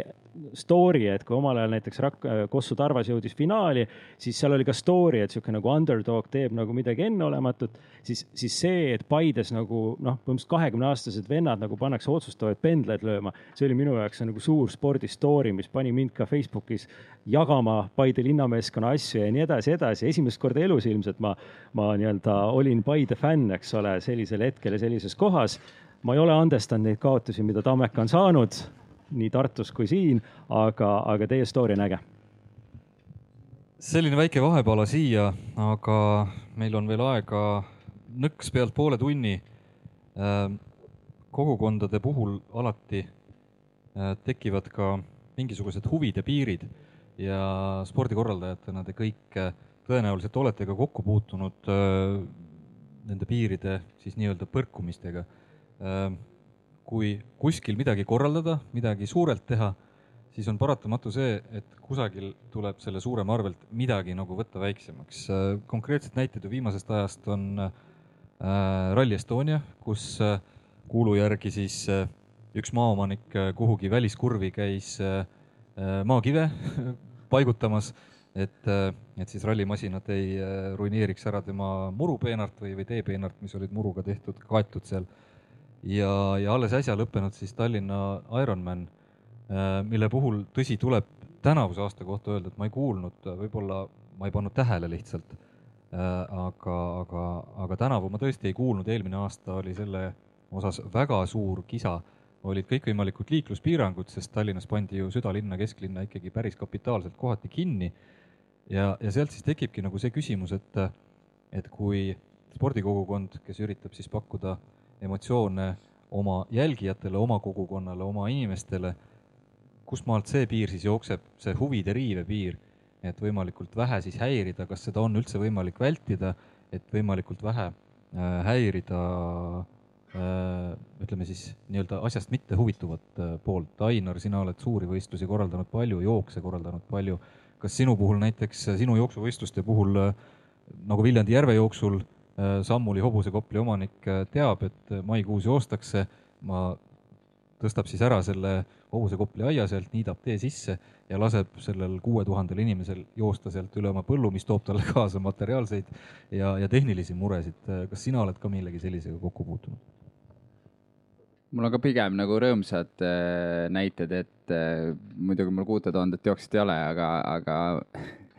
kui vald küsib, et kas kooskõlastus on olemas, ma ütlesin jaa, kõik on korras. tegelikult on nii, et hoovi peal lähed ATV-ga neljapäeval, et pühapäeval on jooks. kuule, me paneme nüüd postid püsti, me tuleme jälle, et pane koer kinni. et äh, sellel aastal esimest korda oli pikalt üks kõne, et mingi pere jagas lihtsalt äh, maid ja maja, siis ma sain aru, et seal on uued omanikud, et siis sain niisuguse kõne, aga, aga ma tahaks selle Ironmani juurde tulla, et äh, mina ütlen selle peale, et tee, mis sa teed, alati on virisejad ja, ja mm, Ironmani näitel minule jäi see intervjuu sealt spordiuudistest meelde, kuidas üks noh, meelde, et ma ei käinud selle koha peal, kuna mul endal jooks, kuidas mingi mees rääkis, no ei olnud kohta, kus rahvas kaasa elanud, see emotsioon, see power, mis ta sealt sai, et las see mingi tüüp viriseb seal kalamajas edasi, et eh, see on täiesti mõttetu, neid on alati, kes viriseb, et ma sain ühelt vanaemalt ka aasta, et ta tuli mul pärast jooksu. miks sul neljandal kohal on, minu lapselaps jäi ilma, miks neljandal kohal medalit ei olnud? ta oli tükk aega tige, kus sa neid tellisid, ma tellin talle nüüd järgi, onju. noh, mingil hetkel me andsime siis kõikidele lõpuks need osalejamedalid, onju, et et ma arvan, ma olen ise ka Kalamajas mingi kaks tuhat seitseteist jooksin järgmine päev poolmaratoni äkki, nägin kümnel kilomeetril, kuidas üks üks mees tahtis sadamasse minna ka üle sõita peaaegu kelle mingist vaesest turvamehest onju, et kurat, mine siis vaata varem või mine nagu välja, et nad virisevad alati, me ei saa nendest üle ega ümber, aga see, mis seal linnale toob, mis majandusele toob, turundusele, nendele emotsioonidele, et see kaksteist tuhat jooksjat seal Tallinna linnas, no kannatad selle ühe nädalavahetuse ära, nii et. Ironmani puhul äh, suures osas me saame rääkida amatöörsportlastest, teame ju kuulsaid ja vähem kuulsaid inimesi, kes käivad ennast ületamas seal Kalev Kruus on muutunud siis Ironmani üheks reklaamnäoks. Äh, Delfist äh, siin muude toimetuste vahele lugesin, et ta, ma ei tea, kas ta siis mõtles seda nagu päris otsesõnu või, või et olla öökinud see aasta seal seda distantsi läbides, et Ironmani puhul me räägime ikkagi amatöör nii-öelda spordist suures osas. Rally Estonia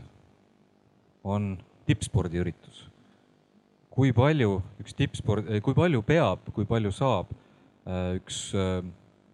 keskmine külakogukond, Rally Estonia läbib ju kümneid külasid ja kümneid väikseid asulaid. nii-öelda, kui palju peavad need kogukonnad taluma siis tippspordi nimel tehtavaid kitsendusi, seal mõnikord siis on, on ka konflikte nende teekasutuste pärast, küll hiljem ei tehta neid piisavalt hästi korda ja nii edasi kogukonna arvates et ja neid üritusi tegelikult sarnaseid on ju, ju päris palju veel. Ainar, sul on mikker tulistamisvalmis? mul on äh, positiivne näide taaskord äh, rallist, et me Viru rallit oleme korraldanud Lääne-Virumaal ja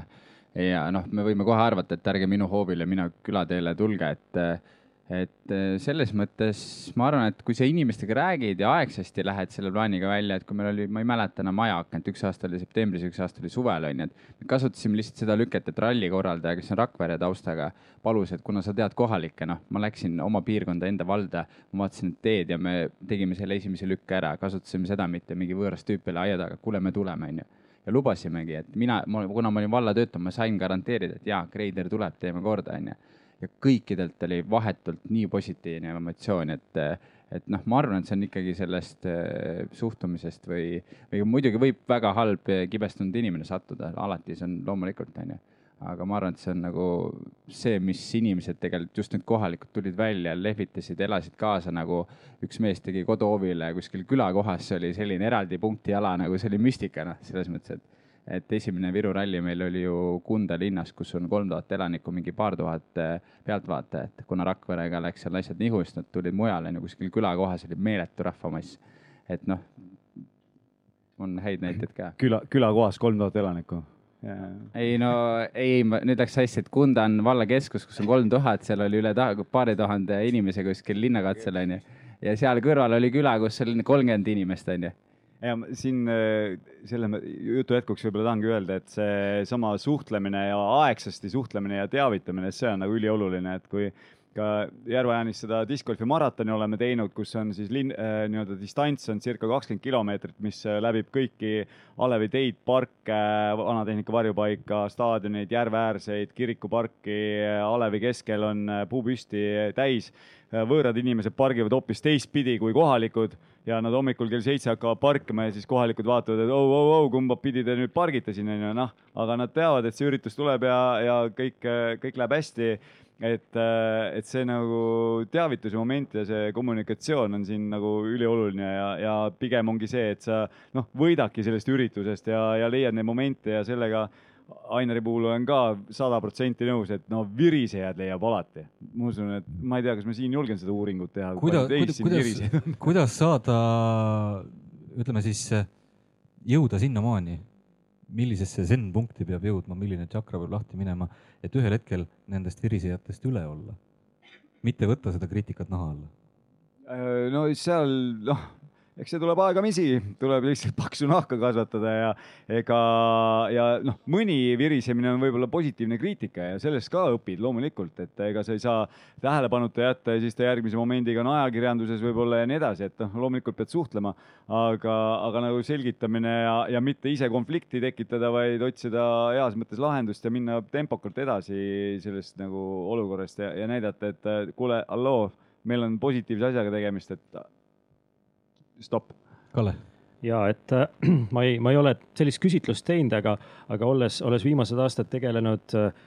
siis Euroopa kultuuripealinna ettevalmistamisega Tartus ja Lõuna-Eestis, siis olen, olen rääkinud ka teiste Euroopa kultuuripealinnadega, et kuidas nad on publiku osalust mõtestanud ja ja, ja on räägitud, ütleme kuskil kümme protsenti ilmselt igas ühiskonnas on, on inimesi, kes ei osale kultuuris, keda ei huvita, kes on vaenulikult meelestatud, kes on, kes on passiivsed või agressiivpassiivsed ja, ja, ja nii ongi, et inimesed ongi väga erinevate ellusuhtumistega ja seega nagu iga ürituse puhul on, on kuskil inimesed, kellele see ei meeldi äh, ja kes on sellele vastu. aga nüüd küsimus on, et kui, kui kümme protsenti on alati vastu või viis protsenti, siis kuidas ülejäänud üheksakümne viiega kommunikeerida, neid kaasata äh, asja disainimisse, anda neile infot, et kasvõi see, et äh, Tartus me äh, suutsime renoveerida äh, juba aastakümneid tagasi loodud äh, ja nüüd noh, armetus korras staadioni, ka seal oli inimesi, kes ei tahtnud seda renoveerimist erinevatel põhjustel ja, ja osad täiesti irratsionaalselt. ma ei, ma ei taha, et siin midagi muutuks, ma ei taha, et siin oleks rohkem liikumist. et see, et lastel on paremad treeningtingimused ja nii edasi, mind ei huvita see ja, ja lõpuks ongi nii, et on inimesi, keda ei huvita, aga näiteks, mida me siis ähm, Äh, sepa renoveerimist ette valmistades teadlikult äh, proovisime teha, on see, et samas kohapeal on ka tugev jalgpallikultuuriga kogukond, et inimesed on ju selle staadioniga ka üles kasvanud. et nendele selle idee tutvustamine, nendele visiooni selgitamine, nendelt küsimine, et, et äh, mida te olete siin aastakümnete jooksul teinud ja, ja seeläbi tekib kogukonnas, selles geograafilises kogukonnas kaasomandi ja, ja ma arvan, et on hästi oluline leidagi see nagu kaas omanikuks olemise nagu nõks, et mm, näiteks Lõuna-Eesti puhul äh, olles siis mm, Euroopa kultuuripealinna tiitlit, kannab äh, kokku kakskümmend omavalitsust. ja, ja sealgi võiks ju öelda, et noh, et see rahaline panus ja aeg ja ka äh, ma ei tea, teed on rohkem umbes ja, ja noh, tuleb igasuguseid väljakutseid seoses sellega, et rohkem inimesi tuleb Lõuna-Eestisse, on ju. aga teisest küljest eriline lugu on see, et ka näiteks Elva vald või, või Tõrva vald või äh, Räpina vald saab kanda Euroopa kultuuripealinna tiitlit. ja see on nagu sihuke äge asi ja noh, ma arvan, et ralli maailmameistrivõistluste etapiga on sama asi, et see, et sa saad öelda, et minu kodukülas toimub nagu ralli mm nagu, et noh. helikopter lendab üle, näitab laivis. ja, ja äh, näitab tervele maailmale, et, et kui korraldaja nagu need asjad suudab kogukonna liidritele, eestvedajatele edasi anda ja, ja, ja leida nagu selline hea koostöömeel selle pealt. pluss on ka see, et on meelelahutus, et lõpuks see, et ralli nagu mu majast mööda sõidab, on mulle miinus müra ja valesti parkivate inimeste läbi, aga samas ma saan sellest meelelahutusest ka ise ju osa, on ju, et paljudel inimestel on ka see oluline argument. no kommunikatsiooni puhul üks väga hea näide minu meelest äh, kogukonnaga suhtlemisest äh, suurürituse raames, äh, kui nüüd sellist asja passiivürituseks nimetada, sellekevadine Kaitseväe suurõppus Siil seal oli siis ju tuhandeid äh, sõjaväelasi, tuhandeid ühikut tehnikat, mis äh, Lõuna-Eestis, nad olid vist tänavu, kui ma ei eksi, siis seal Tõrva ja Valga ja, ja sealkandis Emajõe ümber, keerasid segi teid ja metsaaluseid ja, ja möllasid ja laamendasid seal. aga mis sellega kaasnes, oli järjepidev teavitus ajalehtedes äh,, raadios ja kõigele lisaks, mis mulle väga meeldis sotsiaalmeedia oli täistuuridel käima pandud. Äh, sõdurilehe Facebooki leht, Instagram, äh, sõdurilehe podcast, äh, Kaitsekodu Facebooki leht, kõik, kõik olid täis positiivse alatooniga lugusid sellest, kuidas, kuidas siis need õppustel osalevad sõdurid tegid üht või tegid teist, aitasid seal mingisugust memmekest, aitasid mingisugust teed taastada ja kõigega sellega käis siis äh, pidev avalkommunikatsioon kaasa, võeti, konkreetne näide oli, võeti ühe äh, T-tähekujulise ristmiku äh, segi pööratud asfalt ja pandi sinna kõrvale seisma siis vastutav veebel. Ja, ja sellesama Sõdurilehe reporter siis noh, siis muidugi tehtult, aga, aga samas väga loomutruult kurjalt küsis, et nagu Kreisiraadio äh, sketšis, et no mis asi see siin siis on, et, et millal see siin nüüd korda saab siis.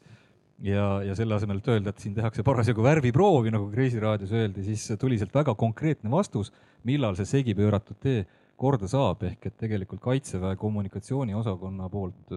tohutult hea töö, lämmatati eos konflikt, mis oleks tekkinud täiesti vältimatult. aga saame siit võtta võib-olla sammukese veel edasi. Mm.. Ja korraks keskenduda, me oleme jalgpallist täna palju rääkinud. Toomas tuli ka tagasi, ma tahtsin just öelda, et isegi nii palju, et isegi Toomasel sai kõrini aga, aga korraks tegelikult jalgpallil tasub veel peatuda, sellepärast et kui me räägime kogukondadest ja kogukonnatööst, siis äh, meil on siin kolm inimest laval äh,, kes on selle projektiga olnud seotud, nendest kolmest üks on siis praegu ehk et Karin äh,. Eesti Jalgpalliliit alustas äh, nüüdseks siis neli aastat tagasi äh, sellist projekti nagu CDO ehk Community Development Officer ehk kogukonnajuhtide projekt. Ja selle algne eesmärk oli, selle projekti üks algatajaid ka kuskil siin süsteemis vimbleb, Veiko Soo, äh, siis selle projekti algne mõte oli äh, kasvatada Eesti jalgpalli kõrgliiga vaadatavust ehk et kõige lihtsam publikunumbrite äh, kergitamise projekt, seal saavutati väga kiiresti, väga lihtsate vahenditega väga suur samm edasi. ja sama kiiresti kasvasid sealt välja järgmised harud, sealt tuli siis juba klubide sotsiaalne vastutus, äh, kõikvõimalikud heategevusprojektid ja nii edasi. Äh, Pärnu vaprus, Karin, on noh, see kasu lõiganud kõlab nagu halvasti, nagu oleks oma kasu peal väljas, aga, aga, aga nimetame seda siis niimoodi, Pärnu vaprus on äh, sellest kogukonnajuhtide projektist saanud ütleme siis kasvu mõttes kõige suuremat või, või ühte suuremat tulu, on seda ka kõige oskuslikumalt kasutanud mis selle projekti puhul äh, on siis Pärnu vapruse jaoks kõige suurem väärtus peale selle, et on Jalgpalliliidu poolt väga konkreetne äh, nii ütleme siis tehniline kui finantsiline tugi selle projektile? Mm, ma siia veel lisan selle, et äh, tasub mainida võib-olla, et tegelikult täiesti algusest saati on jäänud nii-öelda kaks kogukonnajuhti, kes on siis nullist nii-öelda teinud seda tööd ja ma arvan, et see on siin oluline mainida, sest et äh, see jätkusuutlikkus ja äh, tahtejõud on meid kandnud siia, kus meiegi praegu oleme. et äh, ma olen realist, ma arvan, et kõik klubid võib-olla ei saavuta lõpuks täielikult seda, neid, neid noh, sellist potentsiaali võib-olla nagu võib-olla, kuhu meie oleme jõudnud. aga lisaks kõigele sotsiaalsele valdkonnale on muidugi hästi oluline nagu kõik arvame, et nendele noortele Pärnu lastele pakkuda nii sportlikku väljundit kui kuuluvustunnet. Et äh, mina olen alati nii-öelda maininud, et meil on Pärnu, Tartu, noh, Narva, Tallinn, et need on nagu nii erinevad piirkonnad ja sellepärast just äh, seal oma piirkonnas äh, me peamegi natuke ka tagasi andma, et, et see meie äh, ka jalgpall ja lihtsalt noorte sport ja käitumine oleks, oleks nagu neile olemas ja neile heal tasemel olemas, et äh, mm, võib-olla korra tagasi tulles siis enne selle võrkpalli juurde, et äh, ma ei ütle, et nad peavad tegema sotsiaalset, äh, sotsiaalses vastutuspiirkonnas siis või valdkonnas midagi, et eks meil kõigil Pärnu korvpallil on nagu see sportlik tase praegu nagu no ulme, nagu ülihea meel on ka meil. ja mul niikuinii korvpallurina, et Pärnu esindusmeeskond selliseid tulemusi teeb, et et lihtsalt kõigil on kindlasti oma tugevused, kuhu siis nagu rõhuda ja meie tunneme, et me tahame, et meie noortel ja meie, meie kogukonnal oleks, äh, oleks äh, koht, kus, kus käia, olla ja koos olla ja teha, et see Pärnu piirkond nagu püsiks konkurentsis teistega. aga ikkagi see kõige suurem väärtus, no küsime siis selles mõttes natukene kuidagi provotseerivalt, et kas Pärnu vaprus, kes siis äh, läbi erinevate ümbersündide seal ja liitumiste ja lahknemiste ja, ja oli Pärnu linnameeskond mingil hetkel kõrgliigas mängimas, enne kui Vaprus siis tõusis ja, ja langes ja uuesti tõusis ja langes ja jälle uuesti tõusis. Äh, kas ilma selle jalgpalliliidu toeta see kogukonna töö, mis on Pärnus täna ära tehtud, oleks olnud üldse mõeldav või oleks läinud selleks vaja ühte hullu, kes oleks ühel hetkel töötanud ennast läbipõlemise äärele, nagu me siin ennist rääkisime, Arto jälle ei tea midagi sellest. ja, ja oleks see asi olnud lõpetatud või? Mm, ma arvan, et ta väga suure tõenäosusega poleks äh, nii-öelda alanud et nüüd, kui see samm on tehtud, ma usun, et äh, sellepärast ma ka täna siin olen, et seda on märgatud, et see on oluline, see on vajalik äh,. et äh, selles suhtes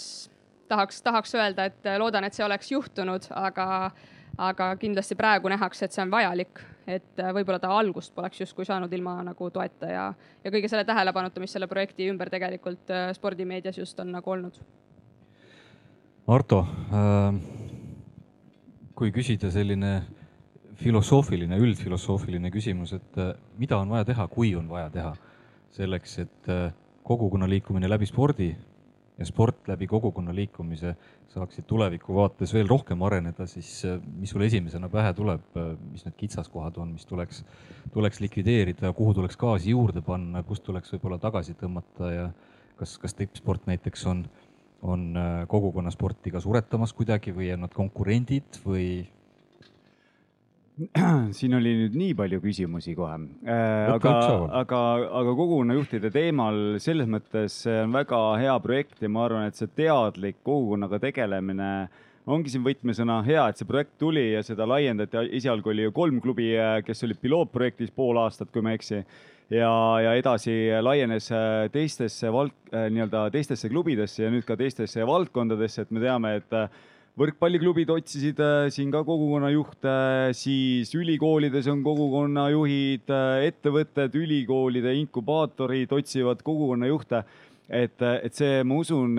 teadlik kogukondade tegele-, kogukondadega tegelemine, see krõks on tegelikult juba ära käinud, selles mõttes see positiivne on toimunud. On ka omavalitsusi, kus on kogukondade arendajad olemas, kui ma ei eksi, Haapsalus äkki, keegi on siin Haapsalust ka või? et on olemas inimene, kes konkreetselt tegelebki kogukondade arendamisega, et see noh, ütleme, sport on üks osa sellest, on ju, aga, aga üleüldse, et on selline teadlik äh, nii-öelda kogukonna teema üldse, et noh, mina olen äh, tõesti ülikoolis nüüd lõpetanud esimene lend ja see on ka ülikoolide nii-öelda noh, programmidesse jõudnud, et see on ka juba suur samm, et võib-olla seesama premium-liiga näide ongi võib-olla see ka üks alus, mis jälle mingi tõuke andis, et et äh, kindlasti neid kogukonna juhte, kes äh, noh, külaseltsi vanemad ja külavanemad, neid niikuinii on ja tulevad ja põlevad ja lähevad ja mõni jääbki ja, ja mõni lähebki ainult jalad ees sealt kogukonna juhi koha pealt ära, onju ja aga, aga ma usun, et selline ühiskondlik kogukonnajuhtide teema on praegult nagu igas valdkonnas käimas ja, ja õnneks ka spordis, et ja sellest on aru saadud, et sport ei ole ainult see, et noh, palju aega on või mis seis jäi, onju. ja et kõik see, kõik see ümberringi ka seal, et ja, ja ma ei tea, mitu küsimust ma nüüd ära vastasin, kui ma üldse vastasin ja, ja jah, et ühesõnaga projekt, äh, ma usun, et oli see, mis pani ja käivitas ja tõi selle püünele. samas äh, nagu ka ennem oli juttu ka juhtidest ja juhtimisest, et ka selle organisatsiooni juht peab aru saama, et see on nagu oluline. et me oleme ka selles äh, kogukonna juhtide programmis näinud, et kui klubi juhtkond sellega kaasa ei tule, siis võib see kogukonna juht kõrvade peal seista ja üritada, aga kui klubi presidendil on selles savi ta ei tee sellest välja ja, ja see kogukonna juht jääbki üksinda, siis, siis ei tule ka mitte midagi välja, et, et see peab olema nagu selline teadlik äh, nii-öelda suund, et jah, kogukond on meile oluline. no teistpidi saab siis nüüd äh, natukene võib-olla äh, spordile pai tehes öelda võib-olla ka seda, et, äh, et see kogukonna noh, ütleme siis juhtide liikumine, mis jalgpallist on jah, nagu sa tõid juba välja, liikunud edasi mitmesse teise spordialasse ka see vähemalt on murdnud selle müüdi võib-olla siis, et eestlane ei ole, ütleme siis äh, äh, mitte hädaolukorras, kui ei ole vaja võtta vikateid ja hange, et vainlasele vastu tormata. et, et väljaspool seda olukorda ei olegi võimeline üldse kollektiivseks või kogukondlikuks tööks, et eestlane on õudne indiviid. see stereotüüp on ikkagi spordi kaudu murtud ära päris kenasti no mitte ainult spordi kaudu, ma kujutan ette, et eh, kõikide siin Järvamaa näiteid siin need Väätsa kortermajade päevad või, või mis iganes kultuuriüritused samamoodi toob ju fanatte kokku ja tehakse ülivingeid asju üle Eesti, et et äh, aga et, äh, et see kogukondade teema ja see inimeste õpetamine arendamine, see teeb asja veel lihtsamaks lihtsalt, et äh, et, et me ei pea nagu jalgratast leiutama hakkama, et kuidas toredaid üritusi teha, vaid et meil koolitamegi ja, ja saamegi ja õpime üksteise pealt ka nagu kogukonnajuhid ka ju. Iga, iga paari kuu tagant saavad kokku, jagavad oma muljed, mis töötab, mis ei tööta, kuidas saab paremini ja, ja, ja niimoodi see Eesti elu paremaks lähebki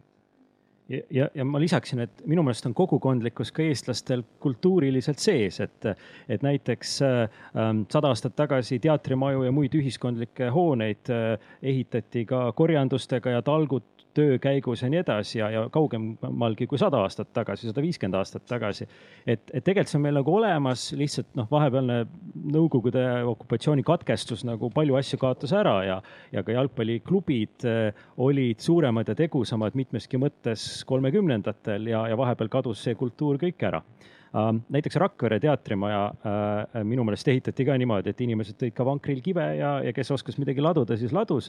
ja, ja minu jaoks kogukonnajuhtide programm äh, ka puudutab mind nagu isiklikult ja sügavalt, sest äh, mm, ma kasvasin üles äh, Rakvere lähedal, endises kolhoosikeskuses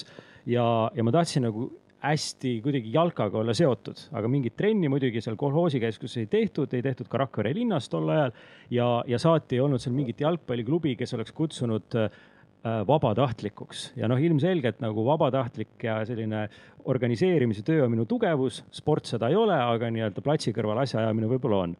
aga Rakveres ei olnud sellist klubi, kes oleks kutsunud vabatahtlikuks. Ja, ja ma jõudsin lõpuks selleni alles palju aastaid hiljem Tartus äh, ülikooli lõpus, sest, sest alles siis oli nagu üks jalkaklubi, kus, kus oli nagu üks inimene, kes kutsus, et kuule, et noh, et tule appi ja teeme koos ja, ja teeme asju paremini. Ja, ja oma hilisemates ettevõtmistes ma olen hästi palju mõelnud enda kogemuse peale, et, et kas me teeme asju nii, et, et meie ümber olevad äh,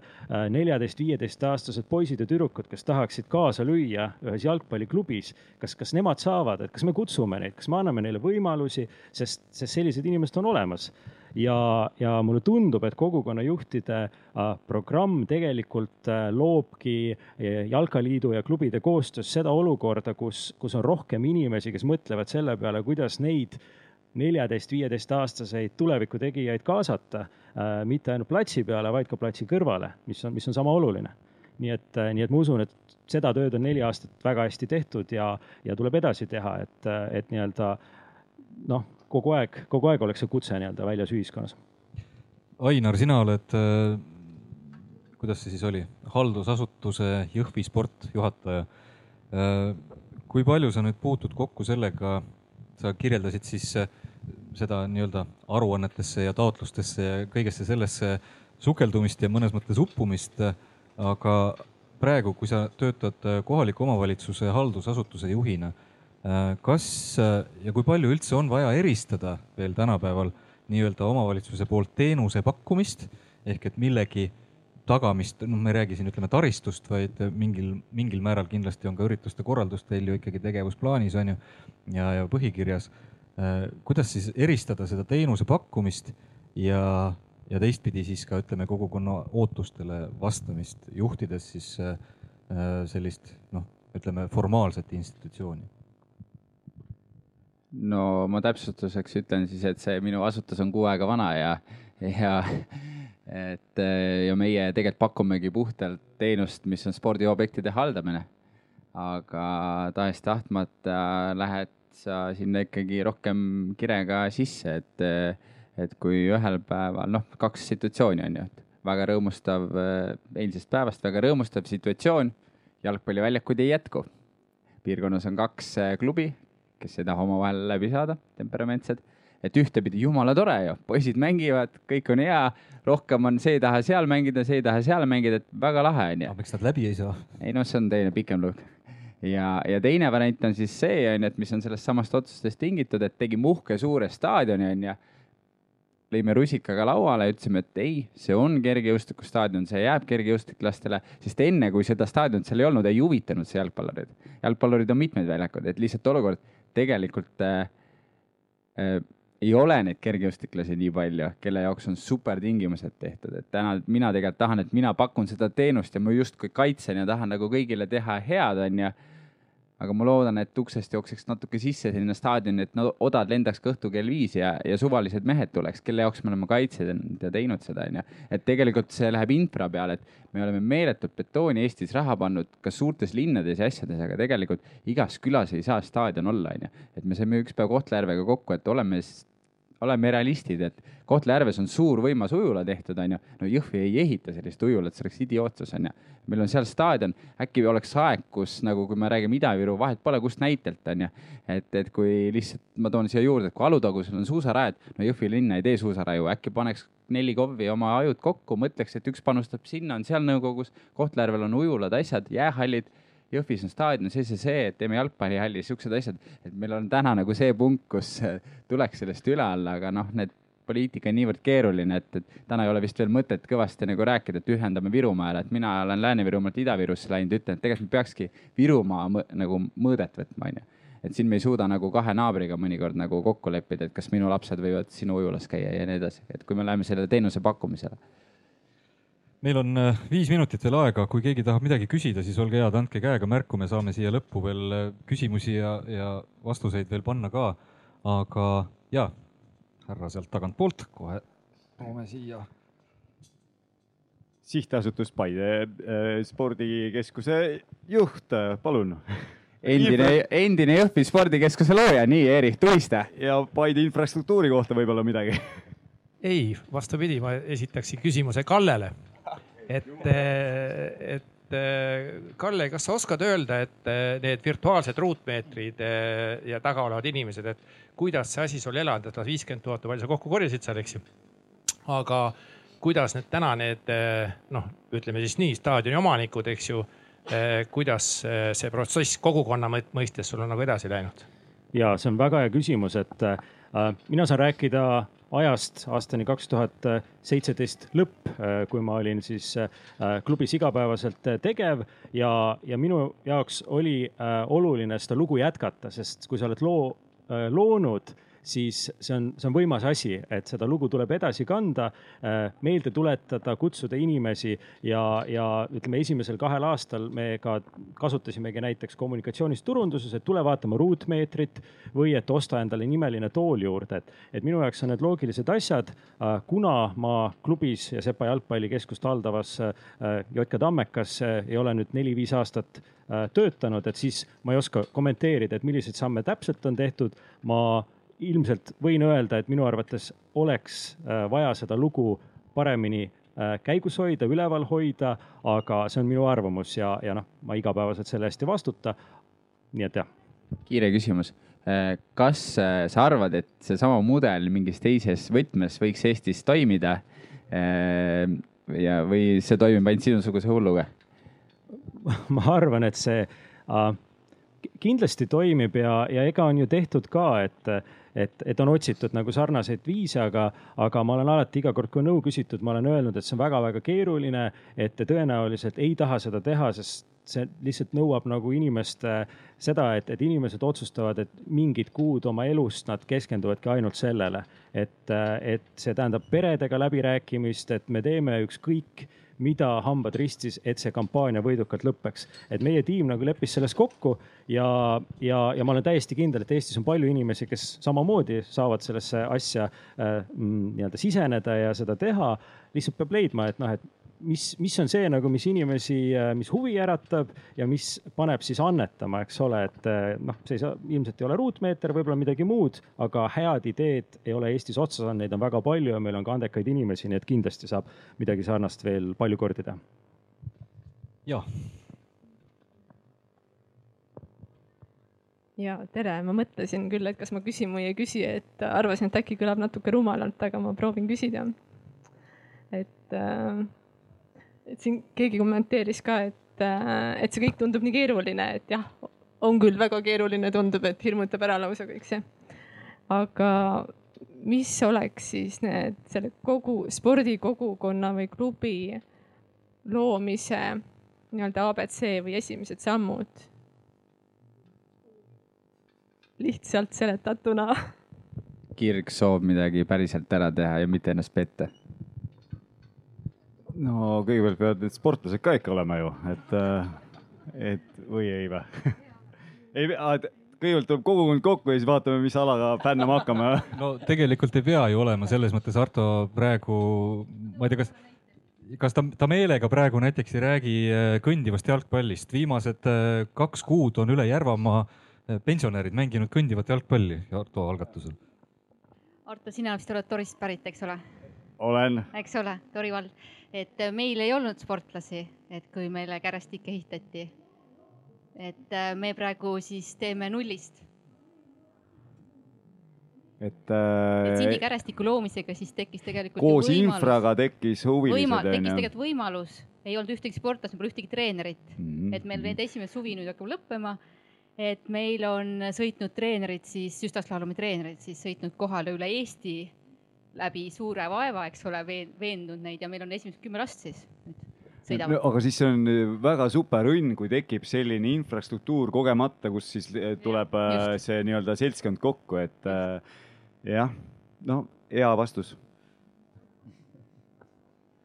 nii, on keegi veel? ja. et äh, ma siis võib-olla natuke täpsustan, et kui on äh, huvilised nii-öelda sportlased olemas, treener olemas, on ju, ja noh, minu enda mõte on see, et, et see nagu see spordiala ära ei kaoks, et see ei läheks nagu kuskile nagu ei, jah, ei ära ei kaoks, et kuidas siis ikkagi nagu seda kogukonnana siis edasi arendada?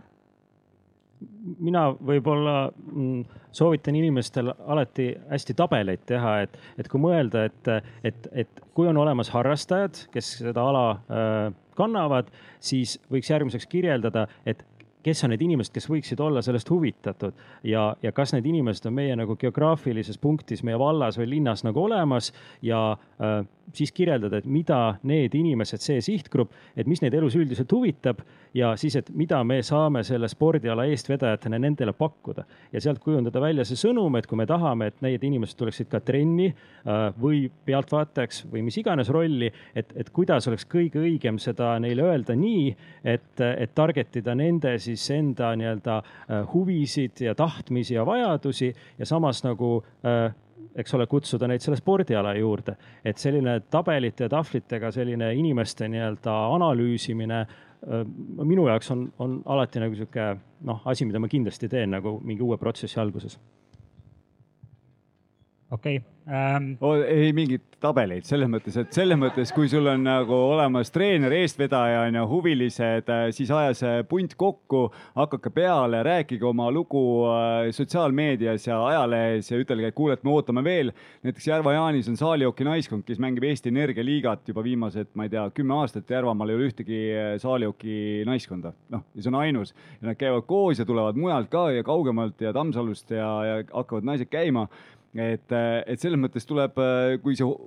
eestvedaja on olemas, siis on juba pool võitu. kui sul on juba seal see kahe satsi jagu, et sa saad trenni teha, siis on teine pool võitu. Ja siis noh, rohkem polegi vaja ju, et seal siis on ainult edasi minna, et sul tegelikult, kui sa KOV-iga saad läbi, saad treeningaja ka siis äh, tuleb sealt nagu edasi minna ja mingil hetkel äh, kas teed MTÜ või ei tee, noh siis sa hakkad äh, juba taotlusi tegema, võib-olla uued vormid ja, ja siis e-piimale ütled, et kuule, et toeta, saame veel uuemad vormid, ei ole kasutatud vormid enam, on ju, et noh, oleneb alast, on ju, mõni ala tahab muidugi korralikku infrastruktuuri saada, et ma ei tea, trampoliinihüppajaid on väga keeruline mingitesse väiksematesse kohtadesse tekitada, sest noh, kõrgused ja, ja need äh, infra tahab nagu palju saada, aga minu, mis tabelid, äh, jätke seal Tartusse, seal Excel on, on okei okay,, onju, aga andke minna lihtsalt. põhimõtteline lähenemiste vahe, eks ju, hands-on ja kõigepealt mõte ja siis hands-on, eks ju, aga. tehtud mõeldud. selle, Arto tõi siin välja ühe kolmetähelise lühendi MTÜ, ma võin omast kogemusest rääkida. Äh, nüüdseks siis juba varsti kuus aastat tagasi Viljandis minusuguste keskealiste meeste seltskond tekkis umbes kümnepealine, kes mõtles, et äh,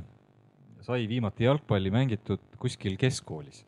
et mis oleks, kui tuleks kokku, keset talve oli see mõte ja noh, prooviks vähe kuskil sellises nurgas, kus keegi ei näe. ja läksime esimesse trenni Päri spordisaali. Äh, seal oli meid kümme, järgmises trennis oli meid juba viisteist, siis oli ka nooremaid hulgas. Äh, esimeseks suveks oli meid kolmkümmend ja esimesed kaks aastat me siis toimetasime niimoodi, et noh, kogusime lihtsalt nagu sularahas trennimakse ja maksime need siis kas siis suvel staadioni haldajale ehk linnale või talvel siis sinna pärispordisaali ehk Viljandi vallale. Ja kaks aastat võttis aega, see Arto Vanema MTÜ-na, MTÜ mehena võib hinnata, kas see on lühike või pikk aeg, aga meil võttis kaks aastat aega, et saada aru, et meid on nüüd see kriitiline mass, meid oli seal tolleks hetkeks kolmkümmend pluss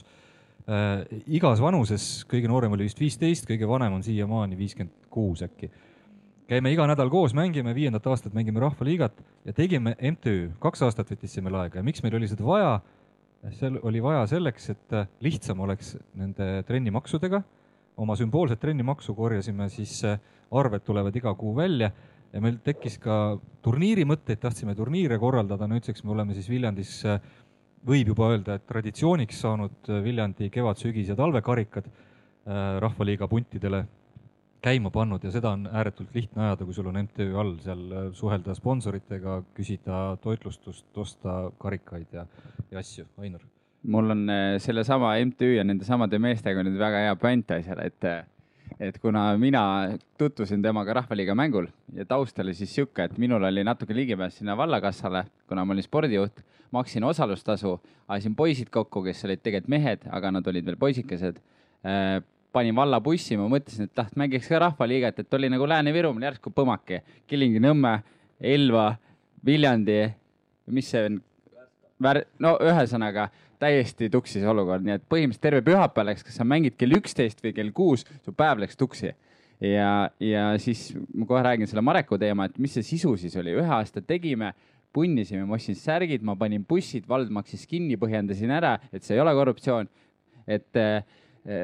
ja siis kaheteistaastased poisid, kellel olid vuntsid ja habe ees, ma pidin talle kuradi puutsad ostma. Ja siis ta ei suutnud kümme kilti oma isaga minu asulast Aserist Viru-Nigulasse tulla. Ja siis Marek küsib, et kuule, teil enam satsi ei ole. ei olegi noh, lõin käega, sellepärast et mina kümneaastaselt läksin sinna väljakule, teadsin, et kell on seal ja tuleb minna. ja need teised mehed tulid nelja autoga Viljandist, nii mõnelgi olid päris suured õllekõhud, onju, ja tulid ja sõitsid terve päeva ja maksavad aga minu poisse täna ei mängi, onju, et saate aru nagu, mis see vahe on, et kas sa tahad või sa ei taha, onju. et see lõpuks ma ei jõudnud neid kaheteist aast- või kaheksateist aastaseid poisse sinna bussi peale tõsta ja tuua ja ta mõnele veel puutsad ka osta, noh. et, et seal peabki nagu see, et, et noh, kui ma sinu küsimuse poole tagasi lähen, et see ongi see erinevus võib-olla. ja, ja tere, tere. mul on üks küsimus Karinile lõpetuseks. Karin. töötab? Mis on olnud sinu jaoks kõige raskem selles töös, kogukonnajuhina? sa oled seda kolm pool aastat teinud, sa oled näinud erinevaid aegu enne Covidit, Covidi ajal. mis on olnud sinu jaoks kõige raskem?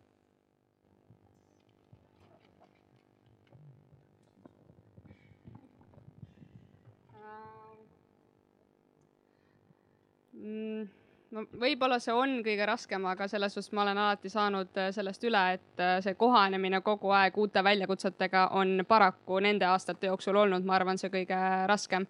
et äh, kui sa tahad teha kindla eesmärgiga head tööd, siis see, et sa pead kogu aeg nende takistustega võitlema ja pluss siis siia veel lisada see sportlik aspekt, et mina sellele ei saa nagu lähiajal ehitada vist, vähemalt pole saanud, et selline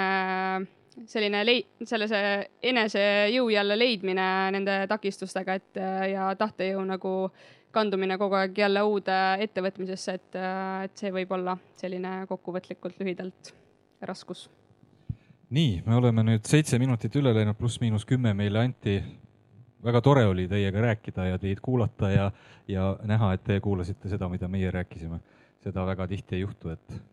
et, et meid ka kuulatakse natuke aitäh teile ja nagu ma aru sain, siis äh, järelkuulatav on see ka mingil hetkel äkki järgmisest nädalast äh, Arvamusfestivali leht, lehelt, podcast'ide lehelt, nii et äh,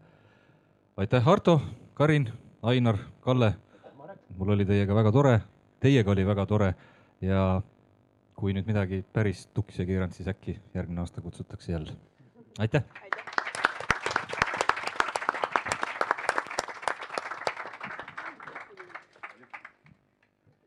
Ja pausi ajal on võimalik mängida diskgolfi, juba petangikuulid on üles leitud ja ka jalkagolf on seal olemas, nii et tundke mõnu.